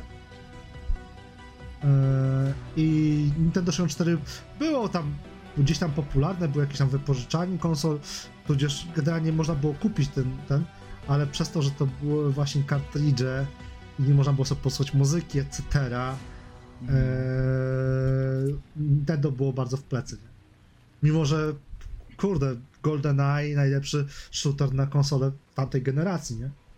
Dobra. E, Kończąc ten temat, słuchajcie. Ale wracając właśnie jeszcze do tematu... Że ja bym już kończył, bo już tak. Chodzi, chodzi mi o to, że ko- kończąc, y, co by się, co, co się zestarzeje z obecnych gier, no to podsumowując, open worldy, haha, Ubisoft znaczniki, moim zdaniem, eee, drużynowe shootery, bo mamy przez, mamy Rainbow Sixa, mamy Overwatcha, mamy eee, Sleepgate, Halo i tak dalej, i tak dalej. to tego typu shootery i wbrew pozorom wyczuwam tutaj mały powrót boomer shooterów. Powrót boomer shooterów. Ciekawe. ciekawe. Postaci. Mhm. Oczywiście jest to moim zdaniem takie, takie badanie rynku, bo Mhm. e, ID i Bethesda sobie testują patch P- PvP mode w e, o, inaczej, co się zestarzało i co się starzeje. Zapomnieliśmy wspomnieć o gatunku, który e, jest takim trochę evolve i się nałatwieni e, evolved, e, który był takim Mhm. izometryczny, asy, nie, nie izometryczny, asymetryczny, Symetrycznym. asymetrycznym PvP, nie? Że miałeś czterech, pięciu kolesi kontra jeden. I ten gatunek też się, y, też powoli wraca do łask, za sprawą Dead by Daylight, które się mocno trzyma i ma stałą No i bazę mamy graczy. konkurencję w postaci Evil Dead i, i innych właśnie klonów typu zaraz będzie e, teksańska masakra piłomechaniczna, która też ma być takim Dragon właśnie... Ball nawet w tym, ma, w tym momencie wyszła, gra z Dragon Ballem, asymetryczna na Xboxa. Niestety, kurwa, na PC ta nie ma. Eee... I ciekaw jestem ten na asymetryczny PS5 Dragon Ball. będzie. A będzie na PS5. Ale wiesz, że Marek nie umie grać w PS5, mimo że ma. On musi mieć PC, żeby umieć grać. Umiem grać w PS5, nawet gram obecnie na padzie od PS5 w gry na PC. To nie jest problem, tylko po prostu PS5 mi wyruchało z brakiem portu audio. Znam ten ból, bo właśnie mam ostatnio od kilku dni właśnie kupiłem sobie wieżę taką audiofiską i, i też chciałem podpiąć i ups, no nie mamy tego wyjścia, nie? I muszę podpiąć do telewizora kanałem aptycznym, ale wiem o co ci Ty chodzi. możesz A podłączyć do jedna rzecz. telewizora, a ja nie mogę podłączyć soundbara do telewizora. Tak, a jest jedna rzecz, którą em, ale trochę mi się wydaje, że może być kończąc ryzykowne, jeszcze, ale mo, mo, No. Kończymy. to chodzi mi o to, że gry asymetrycznego PvP o. Co się stało? E, coś mnie zlagowało. Gry asymetrycznego PvP też mogą trochę namieszać i mogą też razem się skończyć. Wszystko zależy od tego, jak się długo utrzymają te właśnie nowe twory. E, Jak ten Dragon Ball, o którym właśnie wspomniałem. Bo te horrory, o których wspomniał Grzesiu, Mhm. one atakują w trochę inny target. One atakują, atakują bardziej w target właśnie Dead by Daylight, które ma mocną pozycję i w e, piątek 13, który miał słabą pozycję. Tak. Więc y, dobra, podsumowując. Jeszcze Grzesiu y, chciał coś powiedzieć, podsumowując. tak. No, Ja jeszcze tak, e, no właśnie mówię, zgadzam się, że no najwięcej mi się wydaje, że no mogą się właśnie open worldy zestarzyć, to mają najwięcej elementów, z czego mówię, no tutaj Ubisoft prze, przoduje praktycznie w każdej swojej grze, ma jakieś elementy, które się zestarzeją, ale też mi się wydaje, że grami, które się mogą tak mocno zestarzeć i no za kilka lat mogą być problematyczne, to są gry single player, które będą nastawione na always online, a będą miały jeszcze właśnie jakieś tam boostery, nie boostery, żeby sobie coś tam y, dopakać. To mi się wydaje, że za parę lat, porowie się, już w, w tym, w online mieliśmy problem y, przy Battlefroncie dwójce, tym współczesnym, że jednak te lootboxy to tak, no nie bardzo, tak na dobrą sprawę są fajne i przydatne. Tak mi się wydaje, że właśnie może podobnie być z boosterami w singlach, tak jak właśnie mamy w, tych, właśnie w tych asasynach, że kup sobie to, żeby sobie kupić strój, coś tam.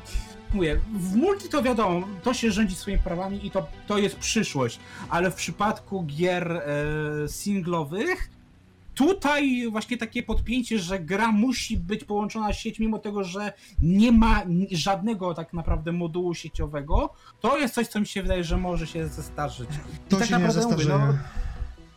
no, Okej, nie właśnie mówię, wniosek jest dla mnie taki, że no właśnie open worldy, ale przede wszystkim, że tak naprawdę grami, które najbardziej się zestarzeją, to będą gry, które tworzy Ubisoft. Taki Koni- chciałem od samego początku, że tak powiem, wniosek wysnuć. Nie? Konieczność podłączenia do internetu się nie zestarzeje z tego względu, że to jest po prostu jedno z zabezpieczeń DRM.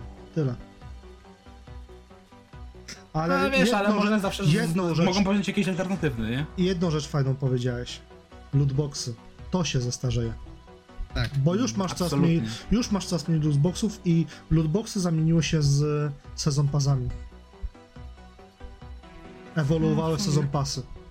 Teraz masz coraz mniej lootboxów, masz tak naprawdę wykup pan karnecik za powiedzmy 30-40 zł, graj pan naszą grę cały czas, bo wiadomo, im więcej ludzi gra, tym więcej pieniążków, etc.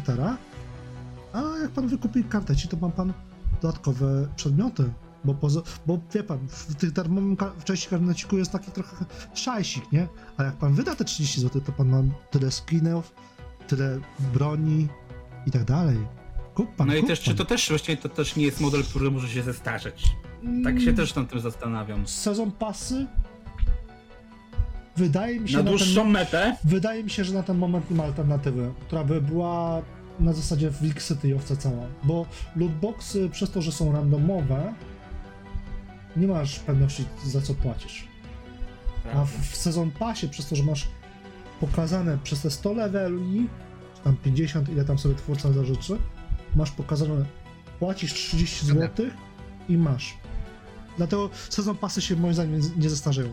Spiri, kończy. Season passy, nie, season passy się nie zestarzeją, ale lootboxy jak, jak najbardziej. Już widzimy, że lootboxy się starzeją na rzecz, y, na rzecz y, tych, Sezon pasów. na rzecz season passów. Dobra, kończę wysłuchajcie, bo tak byśmy mogli jeszcze dwie godziny gadać, a już, y, że tak powiem, zużyliśmy czas jakieś 10 minut, bo miałem ustawiony budzik, wyobraźcie sobie. miałem ustawiony budzik, dlatego napisałem, słuchajcie, do brzegu, napisałem, do, do, a napisałem to y, 15 minut temu. Więc my wam bardzo dziękujemy za słuchanie 26 odcinku naszego growego podcastu y, Pogradane. Y, Mówił dla was Jakub Spirimrozowski, Marek Icnajs-Wierczyński Trzymajcie się, cześć.